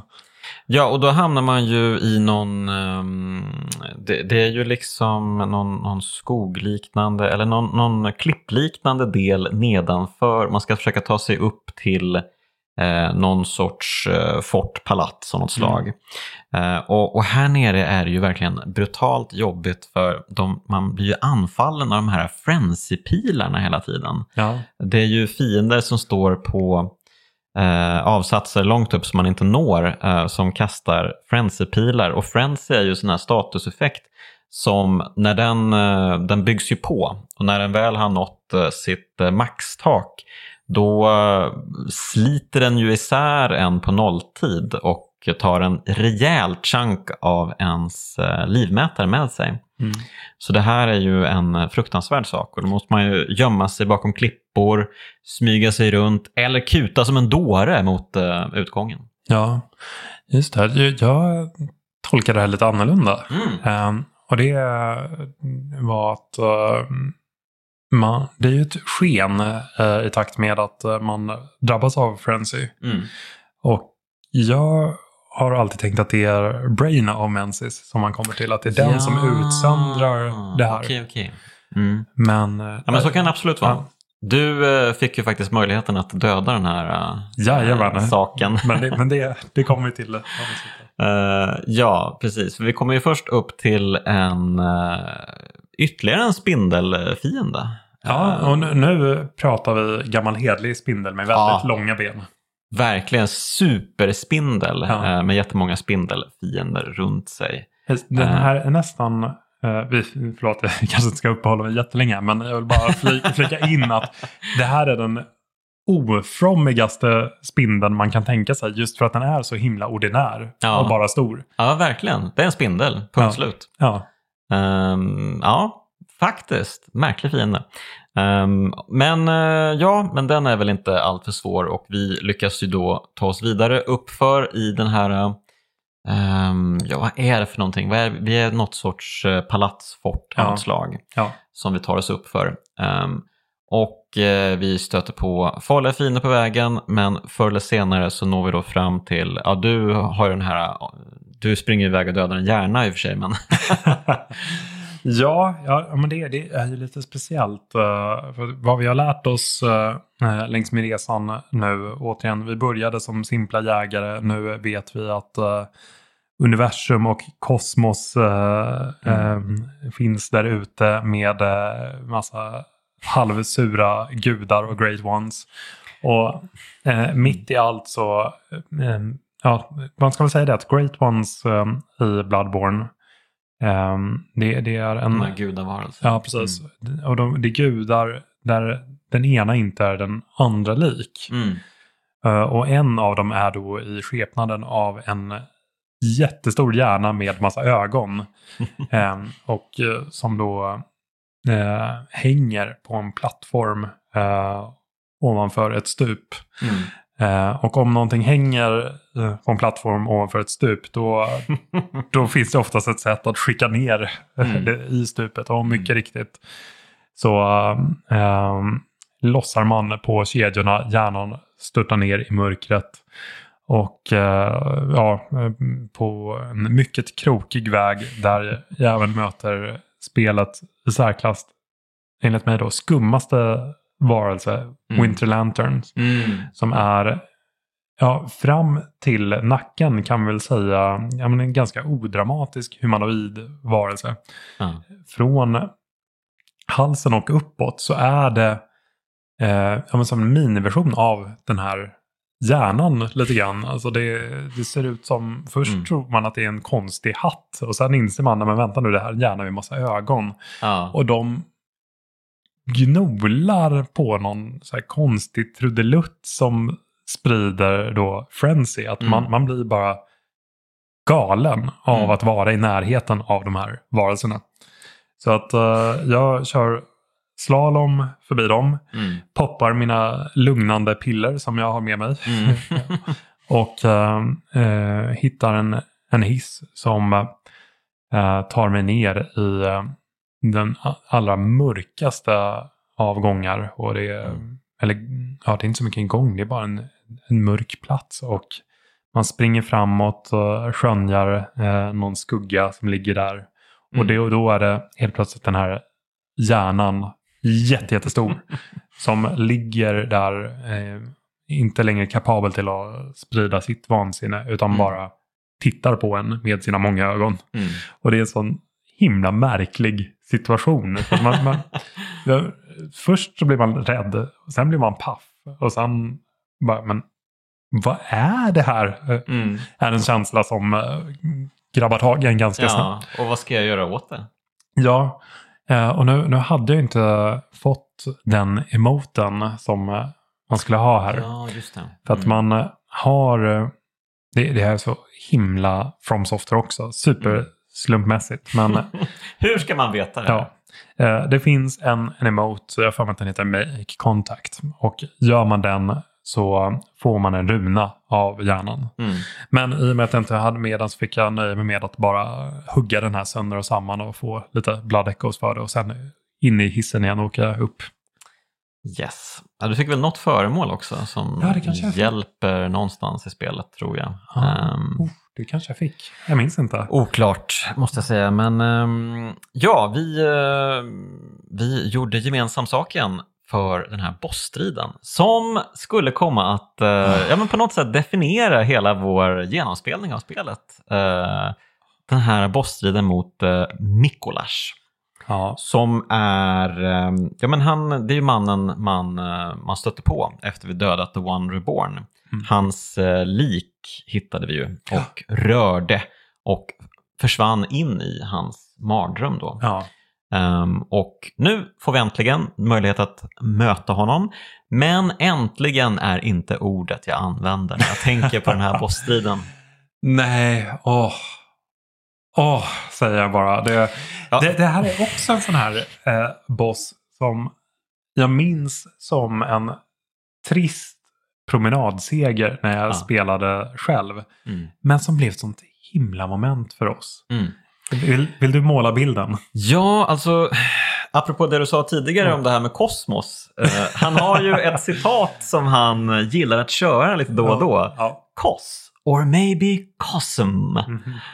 Och eh, det återkommer ju i tid och otid för den här bossstriden drar ju ut i en evighet.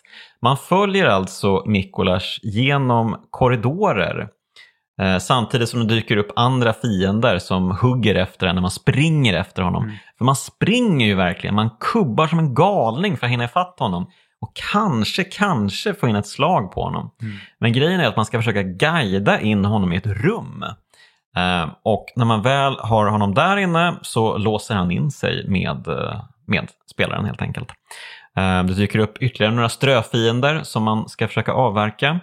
Sen ska man bulta loss på honom tills han når halva hälsan. Mm. Och sen springer han iväg igen. Och då är det liksom en mardrömsfärd som för oss upp för trappor, förbi nya fiender. Eh, vi han hoppar in i speglar som teleporterar honom till andra delar av banan. Vi måste springa upp och ner och upp och ner för trappor. Eh, jaga honom, hitta speciella platser där vi kan hoppa ner och sen till slut få in honom i ett nytt rum där vi kan bulta, bulta, bulta på honom. Ja, och där har han fått en ny attack som uh, one-shotade mig vid ett par tillfällen. Mm, just det. ja. Ja, men han är lite klurig, precis. Ja. Ehm, Och jag, jag undrar om det var någonting i att vi, vi spelade två att det var någon, någon trigger som inte ja. eh, blev av helt enkelt. För jag minns verkligen inte att det var så här omständigt när Mm. jag spelade själv. Det visst, jag tyckte att den var störig för att ja, men det var lite av en gimmick-boss. Man jagade, det var de här eh, eh, ja, men, spökhus, cheesy skeletten som eh, kommer fram eh, liksom för att skrämma en lite grann. Mm, mm. Och sen minns jag det som att man, man tog ett varv och sen sprang Mikolas in i det här men, bossrummet. Och så tog man och bankade lite och sen Mm. tog man ett varv till och bankade lite. Och, ja, det var väl inget mer med det. Men, men Ja, men vi hade ju Varv sån efter otur hela varv. tiden. Det Vi är- hade ju sån otur. Eh, Någon gång så föll jag ut för ett stup. eh, någon annan gång så var det en aero effect-grej som dödade oss. Mm. Eh, och det var någon gång som vi sprang vilse. Ja. eh, så att, eh, nej men det var bara mardröm på mardröm på mardröm i den här mardrömmen. Mardröm. Och det, det låter ju väldigt rätt. Men det kändes Mm. så fel. Ja, det var kanske inte riktigt så här det skulle vara. Eh, Men det var så det blev. Men som tur var så tog vi oss ut ur det. Och eh, sen är det då bara ytterligare en färd upp för den här borgen. Eh, Man tar sig förbi eh, Shadows och Yarnam dyker ju upp igen. Ja. De här tre eh, skuggliknande fienderna som hade olika eldattacker och katana som slogs med. Eh, fast de var betydligt lättare som vanliga fiender. Eh, och man kan till och med lura en, en jättegris att eh, ge sig på dem. ja. Så att det blir liksom en envig dem emellan. Det är lite skojigt faktiskt. Det är superfestligt. Eh, Det är något, eh, jag minns att jag, jag farmade det ganska rejält när, eh, när jag spelade själv. Mm. Och det, det är ju inte någonting man stannar upp och funderar på. Men nu, nu befinner vi oss på motsvarande 31 våningen. Varför knatade runt en jättestor gris här? Men, men det är en Ja. mardröm så att det, Mm. det är väl rimligheten i och med en sån. Ja, men varför knatade runt en gris i en tunnel förut också kan man fråga sig. Ja. Eh, Det, det händer många konstiga saker Ja. helt enkelt i den här världen. Eh, Men vi når till slut upp topp, till toppen och där stöter vi på en kvinna i brudklänning. Som, I vit brudklänning med massa blod kring magen. Ja. Och det här är ju då, det kanske man inte vet när man stöter på henne, men det är ju då The Queen of Yarnham Mm. en, i alla fall en representation av henne. Hon är ju en uråldrig varelse från en svunnen civilisation ehm, som fanns långt, långt, långt tillbaka i tiden. Ehm, men hon står där och tittar upp mot ehm, ja, men den, den sista delen av slottet. Och eh, ja, vi ger oss upp dit Ja. och då är det dags för en ny bosstid mot Murgos Wet Nurse. Precis. Och det här var en boss som hade jättesvårt med första gången jag mötte den. Mm. Ehm, men som blev rena rama promenadsegern för mig den här gången. Ja, Nej, men det, det är ju ja, eh, en, en speciell sekvens här med en, eh, en barnvagn eh, i Mm. mitten av, av bossarenan. Mm. Det, det är inte eh, någon trudelutt eh, som eh, med domedagskörer eller eh, illavarslande stråkar. Utan Mm. det, det är någonting som låter ganska barnsligt. Och, Mm, mm. Lite eh, ja, men speldosaktigt nästan. Ja, man kan ju använda speldosen här ehm, faktiskt på Murgo. Jaha, det visste jag Och inte. eh, få en liknande så här lamslagningseffekt Okej, som ja. på Gascoin. Mm. Eh, men den, den är inte lika um, länge, varar inte lika länge. Mm. Eh, men precis, och de här, vi har ju hört mycket barnskrik i spelet Ja. eh, ett bra tag nu. Ehm, och eh, nu har vi hittat fram till bebisen då, Ja. som eh, Queen of Yarnam har fött. Mm. Och eh, ja, jag, vet, jag är lite osäker. Är, är Murgos Wet Nurse, är det liksom en är det barnet självt som gör en, eh, någon sorts inkarnation? Eller Nej. ska vi se det här bara som en, en nurse faktiskt? Ja, är det, är det En barnsköterska? Ja, någon, någon som ammar Ja. eh, barnet. Jag, jag tror att det, det här eh, är en boss som eh, finns här för att ta hand om, om Murgo. Som Mm. de då är, eh, som jag har förstått är barn till eh, en Great One. Mm. Och ehm, det, det finns en fantastisk eh, YouTuber som heter Lance McDonald. Ehm, som eh, brukar gå in i From-spelen och eh, jag vet inte hur han gör det men han rotar fram massor med bortklippta scener och material och så. Och Mm. just eh, i eh, fallet Murgos Wetner så har jag för mig att det finns en bortklippt sekvens när den här bossen håller alltså en, en osyn, ett osynligt barn i sina, sina armar. Okej, vad lustigt att de klippte bort det. Ja, Men det lät ju väldigt uh, suggestivt. Verkligen. Så att varm rekommendation om man uh, vill grotta ner sig i lore så uh, är Vatividja fantastisk. är man nyfiken på allt det där som inte nådde hela vägen fram men som det finns spillror av mm. i, i, alla From-spel så uh, Lance McDonald. Mm. Ja, när man eh, till slut då, eh, alltså den här bosstiden är ju, eh, den var ju då svår för mig ursprungligen för att Murgos Wet Nurse um, har ju ganska vildsinta attacker, mm. um, kan attackera bakåt, ofta åt sidorna, ofta en virvelvind av, av svärd och stål och så.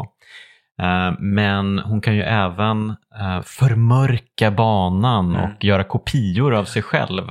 Ja. Um, som liksom svävar och susar in på väldigt uh, suspekta och vidriga sätt. Ja. Eh, så det är eh, väldigt svårt. Men, när, men det lustiga är att när jag spelade mot henne nu så kom hon aldrig in i den fasen. Utan nej. det hände bara inte.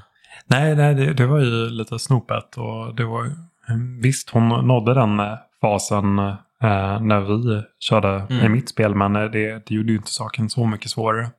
Nej. Eh, en fundering. Eh, kan det, I och med att det, det här är en boss som man ser, man ser vapnen, man ser kläderna, men mm. man ser inte själva bossen. Jag tror det. Jag tror det. Eh, mm. Eh, kan det vara att man inte har tillräckligt med insight? insight? Alltså inte att det finns någon tröskel att den helt plötsligt blir synlig, utan bara det mm. att man, man har börjat skönja världen som den är, men att man fortfarande saknar den där sista. Den där sista nivån. För det som händer när man dödar Marigos Wet Nurse är mm. ju att man får ett helt nytt meddelande på skärmen. Just det. Istället för det här um, Pray Killed. Uh, Eller Slain, Pray ja, Slain. Ja. Då får man ju Nightmare Slain. Ja. Och eh, då får man ju, man får ju framförallt den här uh, Unbiblical Cord, alltså mm. navelsträngen. Mm. Um, och eh, det har man inte fått tidigare och det är väl ett tecken på att vänta lite nu här, det här är någonting helt annat än det vi tidigare har slagits mot. Det här är som du var inne på, vilket också gör mig lite förvånad. Eh, har vi dödat både barnet och The Wet Nurse eller var de länkade på något sätt? Ja. För, det, för det är väl ändå barnet som var The Nightmare, som var mm the great one's child. Liksom. Ja. Mm. Nåväl, vi har i alla fall dödat någon sorts gudalik eh, sak, avkomma. Ja. Och eh, har fått ett helt nytt meddelande. Och eh, det här antyder ju att eh, resan har nått sitt slut också. För när vi väl återvänder till Hunters Dream nu så står ju det här huset som, eh, det här mysiga huset som man återvänder till, som man springer in i och mixtrar med sina svärd och, och vapen och fyller på med runor och allting och sånt där. Allt det där står i lågor. Just det. Och eh, den här dockvarelsen som har växt till liv efter ett tag i Hunters Dream och som man pratar med för att eh, levla upp och sådär. Hon eh, menar att eh, nej, du måste gå och prata med German. Han befinner sig där borta på ängen. Mm. Och eh, ja, det kan man ju göra. Man kan ju fortfarande åka tillbaka till eh, Jarnhem och utforska mer och så. Ja. Eller så kan man besluta sig för att köra Endgame då. Men för att få se, vad ska man säga, det riktiga slutet eller ja. det, det bästa slutet. Då måste man ju då, och det här är ju någonting man omöjligt kan veta igen, eh, då måste man ju ha tre stycken umbilical cords, sådana här navelsträngar. Uh, och man har ju precis fått en då. Och mm. man har kanske fått de andra också för de finns ju på lite suspekta ställen i spelet. Man måste hitta liksom uh, och ta sig fram till. Man kan ju bland annat, det här är ju väldigt brutalt, man kan ju hitta en kvinna uh, i Jarnhem som man kan skicka till Cathedral Ward. För det mm. finns ju liksom ett fredat område i Cathedral Ward. Det finns en lykta. Ja. Och så finns det en, en märklig skum filur som man kan prata med. Som säger, ja men säg till alla du möter som fortfarande har förståndet med sig att komma hit. Jag tar hand om de här. Här finns en fristad liksom mot, uh, mot jakten och monstren. Uh, och så kan man få den här kvinnan att uh, ta sig dit Eh, men efter ett tag försvinner hon därifrån. För hon är gravid och eh, om man springer tillbaka en bit mot den här Father Gascoigne-fighten så hittar man henne på vägen. Och hon har precis fött sitt barn som har blivit något sorts monster. Då. Ja. Och dödar man barnet, då får man en ny navelsträng. Ja. Ja, det är fantastiskt att det finns så mycket. Det, det händer så mycket i spelvärlden eh, liksom pö om pö. Det liksom, man, man tänker inte på det. Ja, men eh, bör jag gå tillbaka en smula nu och kika vad som har hänt i, i spelvärlden? Um, men det bör man göra. Man bör utforska då och då. Ja, det, ja men det, det är så roligt det där att eh, ja, men dels alla de här ställena som man skulle kunna missa men också att det är ett, det är ett spel som verkligen belönar nyfikenheten och upptäckarlusten. mm, mm.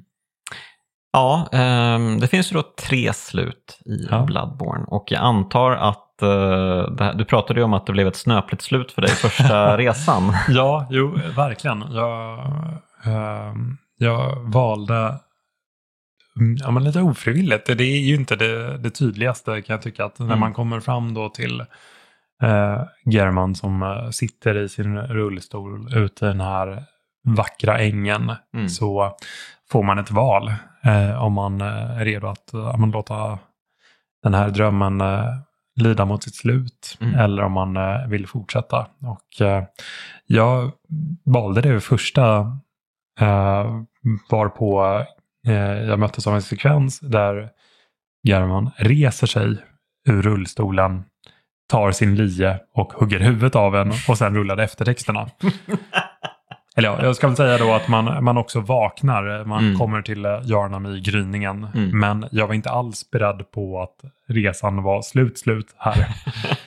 ja, men antiklimaktiskt får man ju säga. Lite så. Och det, det Ja. ledde ju in i den här andra genomspelningen. Mm. Då jag verkligen gjorde allt, allt. Mm. Inklusive eh, de otaliga Chalice Dungeons som vi inte har Mm. kommit in på. Kanske inte ska uppehålla oss vid alldeles för länge heller. Nej, men precis. De har ju, det finns ju jättemycket innehåll Ja. i, i eh, Bloodborne. Det finns ju de här Chalice Dungeons och eh, det är ju liksom utmanings...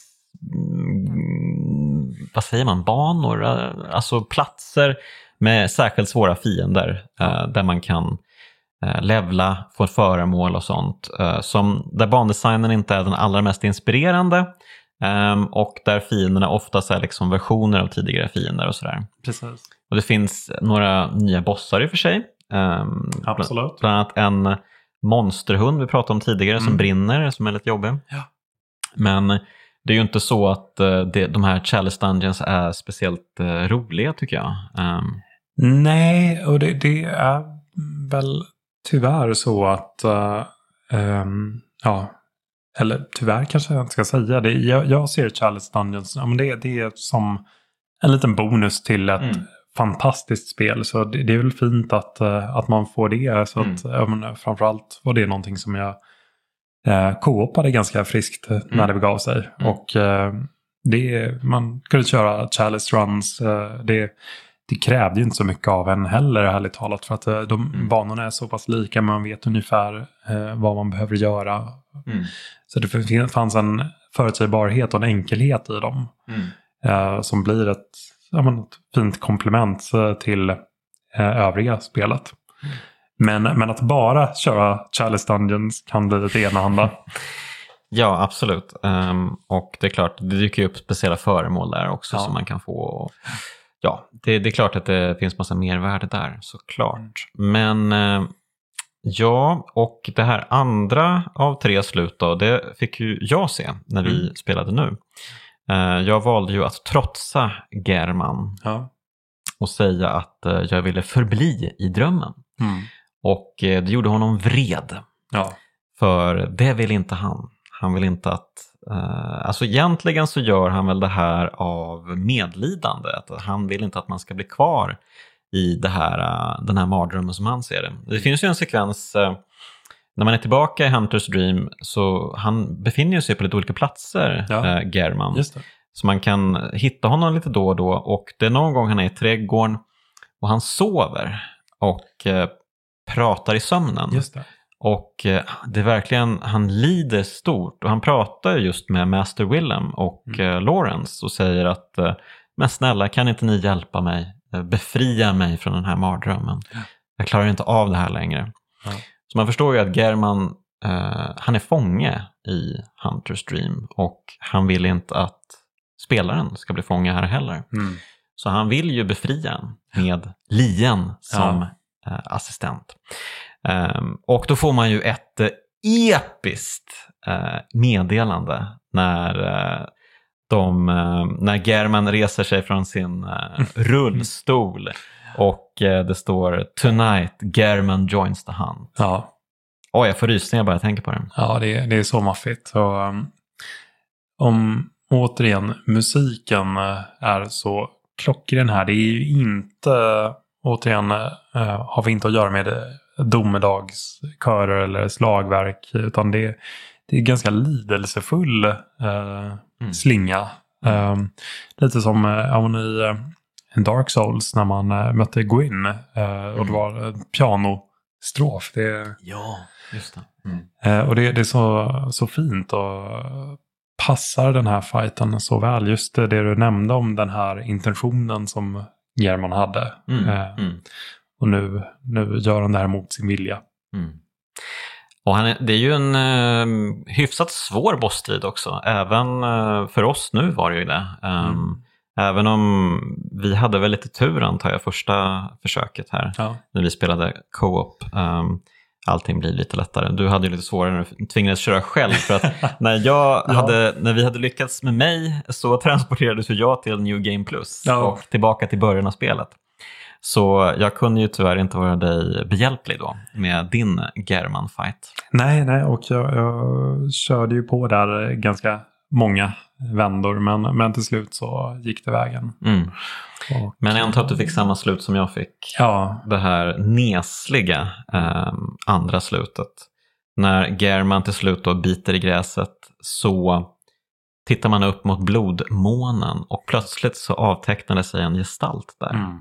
En fantastisk eh, Lovecraft-varelse som eh, svävar ner till marken. Den heter Moon Presence ja. och eh, det är en Great One. Jajamän. Det är en av de här gudarna vi har hört så mycket om. Och eh, den eh, sörplar i sig spelaren, helt enkelt. Ja, den, den eh, gör en till sin eh, nya German och Mm. med det Nicke-docka. Ja, och man hamnar i Germans rullstol. Ja, Eh, dockan rullar runt den i drömmen och eh, i väntan på nästa jägare att eh, tämja och Mm. träna och skicka ut i Ja. Arnhem. För att som jag har förstått Moon Presence, hela dess magnum opus, eller vad Mm. liksom hela dess grej är ju då att eh, den vill ju att jägaren ska döda andra Great Ones. ja. Eh, och Great Ones verkar ju inte gilla varandra särskilt mycket helt enkelt. Nej, nej, precis. Eh, Det, det är ju så fascinerande återigen att eh, jag, jag tjatar verkligen om, om det här Lovecraftianska. Att vi, Mm. vi gick från vad som föreföll sig vara så enkelt och helt plötsligt så är vi en, en bricka i ett spel uråldriga gudar emellan. Mm. Ja, det är superfascinerande. Men eh, som sagt, eh, lite antiklimaktiskt igen här eh, kan man känna. Men om man då har inte mindre än tre navelsträngar på sig. Jajamän, Och inte bara på sig, man ska käka upp dem också. som man gör. Självklart, det är det första man tänker på när man Mm. får en umbilical cord. Jaha, när får jag äta upp den här? Nu, tack! Mm. Ja, har man alla tre, eller tre, av- jag tror det finns fyra i spelet totalt, så man behöver ju hitta tre av de här då och äta upp dem. Och har man alla i maggen och eh, begår bossstrid mot German och Moon Mm. Presence, så ja, då eh, får man slåss mot Moon Presence. Ja, Då får man äntligen slåss mot en, en riktig Great One. Liksom. Ja. Det är ju en maffig slutstrid. Som jag har förstått inte är jättesvår. Um, jag vill minnas att det inte var så svårt heller. Um, Mm. nej. Eh, Alltså, jag, tror nog att det tog eh, ett par, tre försök. Mm. Men eh, jag är inte i närheten mot några av de bossarna som jag har mött längs med vår resa. Nej, precis. Och när man väl lyckats med sitt uppsåt så blir man ju då själv en gudalarv. Ja, det, det, här, det här är ju jättefascinerande. Att eh, när man tänker att uh, man upphöjs till något slags gudastatus så, Mm. så tror jag inte att det är eh, en ål man ser framför sig. Eller, Ja. eller någonting åt det hållet. Och det, det är ju då den här dockan som har varit oerhört behjälplig med att levla upp en under resans gång som tar eh, ja, vi, eh, oss som spelare i sina armar. Mm, mm. Och här slutar spelet så riktigt Ja, vad alltså- som händer. Alltså egentligen är ju alla tre sluten lite snöpliga egentligen. Ja. Eh, Men eh, det, det är som sig bör. För att det här spelet det handlar ju så mycket om lidande. Liksom. Mm. Så eh, det ska inte riktigt ta slut ändå. Det, det ska finnas ett styng, ett sting av, av svärta i allt i det här spelet. Det känns helt rätt. Eh, Ska vi bara snabbt ta upp eh, expansionen också innan vi avslutar det här? Ja, men eh, gärna det. För vi spelade ju faktiskt en ganska god bit in i den. Mm. Och eh, det är ju stundtals lite halvsvårt. Det, är mycket, det heter ju liksom Hunters Nightmare där vi hamnar i Ja. expansionen. Och det är ju liksom här jägarna förvisas nästan då. Eh, för att bara jaga, jaga om och om igen. Eh, I en sorts mardrömslik tillvaro. Och Mm. så det är ju många svåra jägare man möter här. Eh, men framförallt så möter man ju den främsta jägaren av dem alla, Ludvig. Ja, oj oj oj. Det, det här är ju en smått legendarisk eh, From-boss. Mm. Eh, Ja, det här skulle nog vara på min topp tre-lista över bästa från bossar eh, across all games. Liksom. ja. ja, men den, den är episk. Eh, Mm. Vägen dit är svår, eh, fylld av ond bråd död. Framförallt för min del. Jag, jag hade sånt trassel med att, Ja, ta mig hit. Men, men till slut så, så stod vi inför eh, det här rummet som är fyllt till bredden av eh, lemlästade kroppar. En, eh, ett golv som man knappt ser längre för att det är täckt av blod. Och så är det Mm. någon stackare som varnar en för att Ludvig är eh, på frammarsch. Ja, och Ludvig är ju... Det är ju inte så mycket en riddare längre. Nej. Det är ju mer någon sorts märklig eh, monsterhybrid av... Är det en häst Ja, snarare Ja. än en riddare kanske? Han kanske har eh, blivit en del. Alltså han och hans häst kanske har blivit en... Mm. Fogat samman kanske. Ja. Här, läste jag en, eh, en teori som jag tyckte var Mm. eh, väldigt fin. Så att jag, jag tolkar det som den här personen som skrev att eh, eh, när man har eh, mött bästarna i Janam så har det varit människor som eh, kommit i, i kontakt med eh, menar, sin, sina inre eh, vrede och det, det okontrollerade Mm. eh, som får dem att bli till ja, de här varulvsliknande varelserna. Men att Ludvig, han var, han var ju den första eh, jägaren i kyrkan. Mm.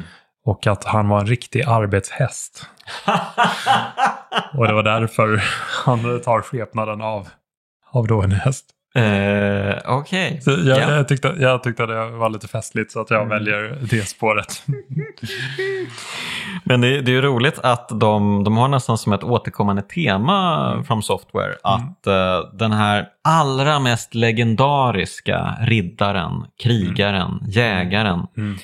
den dyker upp i expansionen. Ja. Det är ju samma i Dark Souls. ja, just det. Där man möter Artorias heter den va? Ja. Fantastisk fight.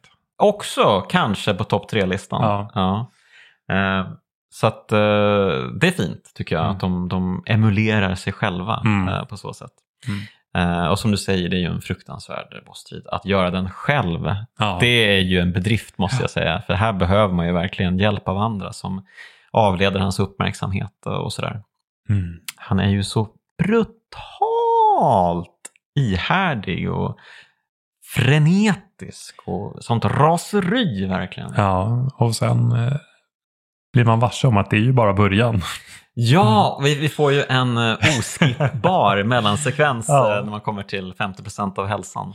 Ja. Ehm, och eh, den, är, den, den är faktiskt ganska fin att titta på eh, Ja. flera gånger. Även om man kanske vid tionde gången känner, kan jag inte få skippa? Ja, du sa att om man ställer sig frågan vad kan vara värre än en söndermuterad eh, hästvarelse så är det eh, svaret eh, en söndermuterad hästvarelse med ett spektakulärt svärd. Moonsword. Ja. Ehm, och det, det roliga är ju att han beter sig i den här mellansekvensen som att han helt plötsligt bara hittar sitt svärd. Ja. Bara, ja just det, jag hade ju svärdet också. Ja. Ja, men lika bra jag använder det. Ja, men jag undrar om det, det är att eh, han, han har verkligen drivits från förståndet i den här skepnaden. Och Mm. att eh, det som eh, verkligen var hans verktyg i hela sin gärning som människa. Att det plötsligt kommer tillbaka till honom. Där. Mm. Ja, Nej, det, det, det är ju eh, en otrolig känsla när man väl dräper Ludvig. Verkligen. Ehm, och sen tog vi oss inte hela vägen genom expansionen fram till slutbossen Orphan of Kos som Mm. du var väldigt sugen på att uh, återstifta bekantskap med. Ja, nej men eh, här, här plockar From flitigt uh, Lovecraft-poäng. Eh, för att när man, eh, vi skulle säga det, att det, det är ett område och ett par bossar då, eh, mellan Ludvig och Orphan och Kos.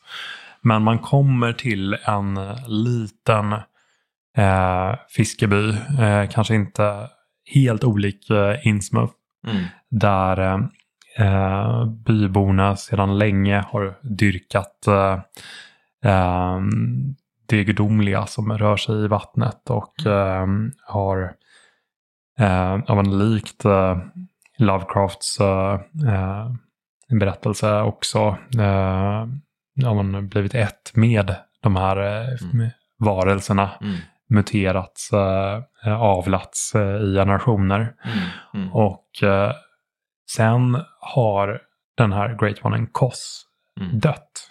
Mm. Så att liket ligger uppspolat på, på en strand. Och vägen dit eh, har för mig kantad av eh, fiender som inte är aggressiva. Utan det, det är liksom bara sorg eh, längs med eh, den, den gången ner till, till stranden. Och där, eh, när man kommer dit så får man se då eh, sekvensen när eh, det här eh, föräldralösa föds och kommer fram då som spelets absoluta eh, sista boss då innan man knyter ihop säcken med eh, German och eh, Moon Mm. Presence. Mm. Men ja, en, en eh, på många sätt helt fruktansvärd fight. Mm. Eh, otroligt ursinnig och det, det är ju klart att uh, det ursinnet uh, lämpar sig något oerhört med det här förvirrade barnet som, som kommer ur sin döda mor. Ja, och det första den måste göra är att försvara sig mot Ja. eh, en jägare som bara dyker upp Ja. hux flux. Det är Ja. ju verkligen, man tycker synd om den här Ja, och, varelsen. och jag har för mig att den slåss med moderkakan som vapen. Ja, självklart. Ja, Good one from. ja. Ehm, ja, det är ju någonting att ta med sig från all, så alla de här varelserna och bossarna vi möter i Bloodborne. De, är, de lider ju. De, Mm.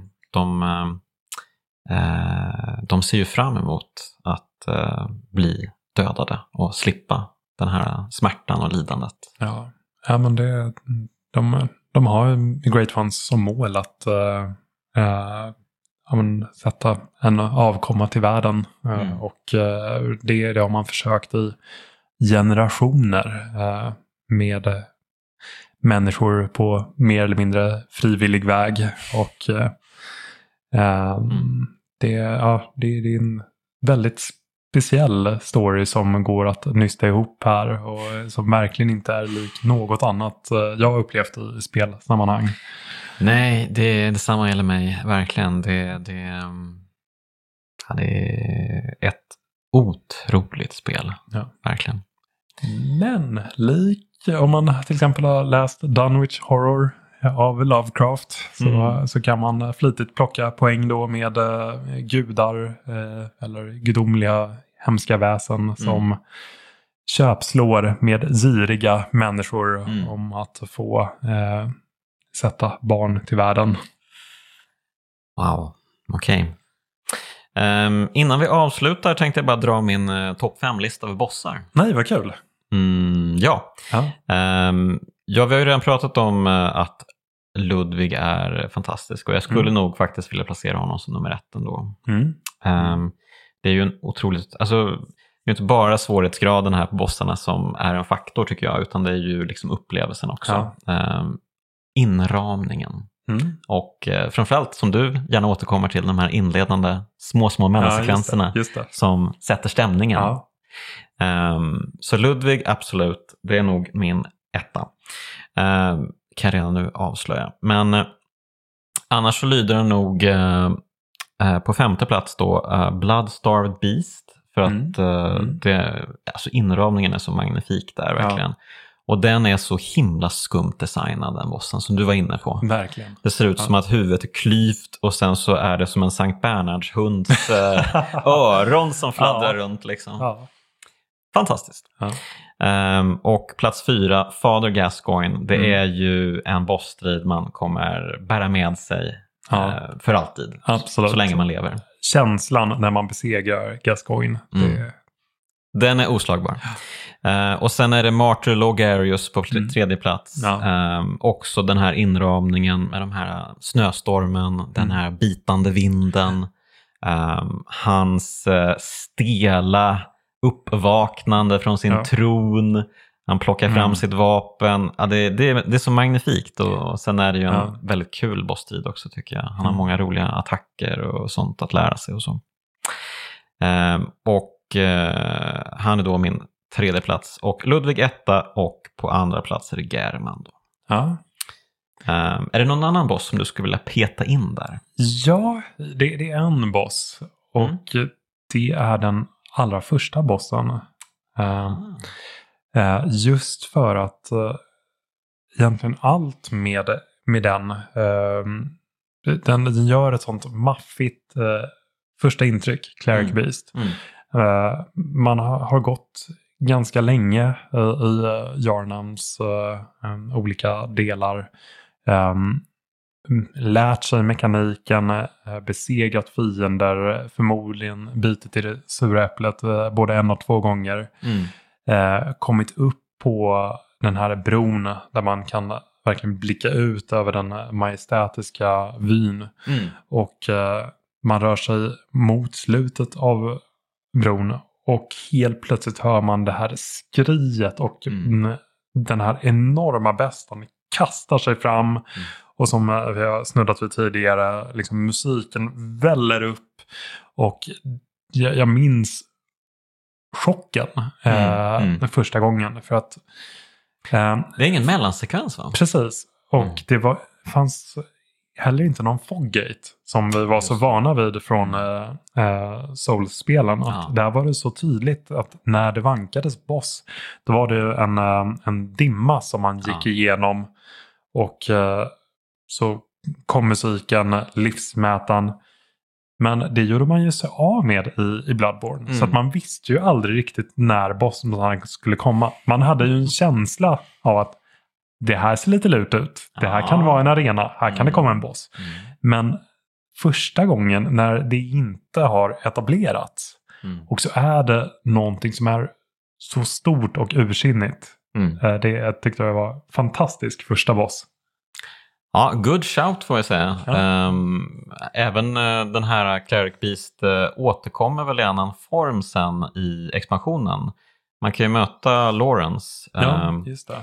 man var ju tvungen att eh, hitta hans skalle och sen ta sig tillbaka till den här katedralen där hans eh, lik ligger. Eller så ligger den bara och vilar där. Men det, han har ju lite samma mm, form som uh, Vicar Emilia, men Mm. han är väl mer Cleric Beast i sitt eh, Ja, jag har för mig det. anfallsmönster. Ja, men precis. Var, det var ju en boss som inte mötte nu. Mm. Sen undrar jag, jag har knappt några minnen av Maria. Mm, inte jag heller. Men Nej. eh, just den eh, platsen, det här klocktornet. Ja. Eh, det, det var ju väldigt dramatiskt. Mm. Um, Ja, alltså de väljer sina arenor med omsorg får man säga. Verkligen. From Software. Mm. Ja. Ja, är det, det är verkligen ett uh, otroligt spel. Är det, något, är det något mer som vi behöver täcka nu? Eller har vi sagt allt som behövs sägas? Jag undrar om uh, det är så att uh, det är en...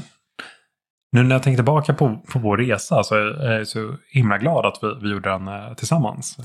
det är jag med, verkligen. Och jag menar att om man har spelat Bloodborne eller något annat frånspel för den delen solo. Mm. Så, så tycker jag att det är, även om man är inte jättepigg på att spela eh, gamla spel på nytt för att eh, det finns så otroligt mycket som pockar på ens uppmärksamhet där ute. Mm. Så är det en, en fantastiskt välgjord upplevelse att dela med någon. Mm. Eh, och kan få en att se med nya ögon på, mm. på mm. spelet. Så jag skulle bara varmt rekommendera att man gör det.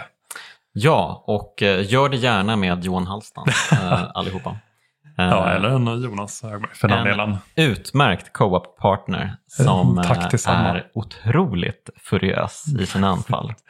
Ja, till, till en bristningsgräns. Och då är det skönt att uh, vi kompletterar varandra. Att du räddar upp med mm. uh, elektrifierat uh, vapen. Ja, när jag inte springer ut för ett stup då. Det... Ja, men vi, vi har ju båda sprungit ut för de där stupen. och, och båda hos Mikolas också. Ja, och gud, den där Mikolas alltså. Ja. Men om du ska försöka ta och sammanfatta det här lite snabbt då. Varför tycker du att Bloodborne är ett kraftspel? Ja, jag, jag tror att jag skulle säga att um, det, det, är så sällan man ser en, en spelutvecklare verkligen återuppfinna sig och sin genre eh, på nytt. Och, mm. och göra det så kompromisslöst och sen inte tänka att Nej, men här har vi nog en franchise. Nu dunkar vi ut eh, sju spel till. Eller i alla fall ett extra DLC. Men eh, det känns som att mm. det här är i mina ögon From Softwares mic drop. De visade med all önskvärd tydlighet att vi behöver inte göra eh, Dark Souls-liknande spel för resten av eh, våra liv. Utan vi, vi kan göra något helt annat. Varsågoda. By the way, har ni spelat Lovecraft-spel? Kul för er. Ni har aldrig spelat ett Lovecraft-spel som det här. Mm. Som inte gör ett väsen av sig att vara ett Lovecraft-spel. Men mm. Tar och utklassar alla andra Lovecraft-spel mm. sammantaget. Mm. Så att, ungefär något sånt kanske. Det tycker jag låter alldeles utmärkt. Um, tack Johan för att du var med i Kraftspelningen. Hjärtligt tack för att jag fick vara med. Och eh, tack ska du ha som lyssnat och ett stort tack till de finfina pojkarna i Bitpopbandet 047. Hörrni, det här är sista avsnittet för säsongen. Men Kraftspelen kommer tillbaka i februari och det dyker upp ett härligt specialavsnitt också i januari. Ehm, så tack för den här gången så hörs vi snart igen.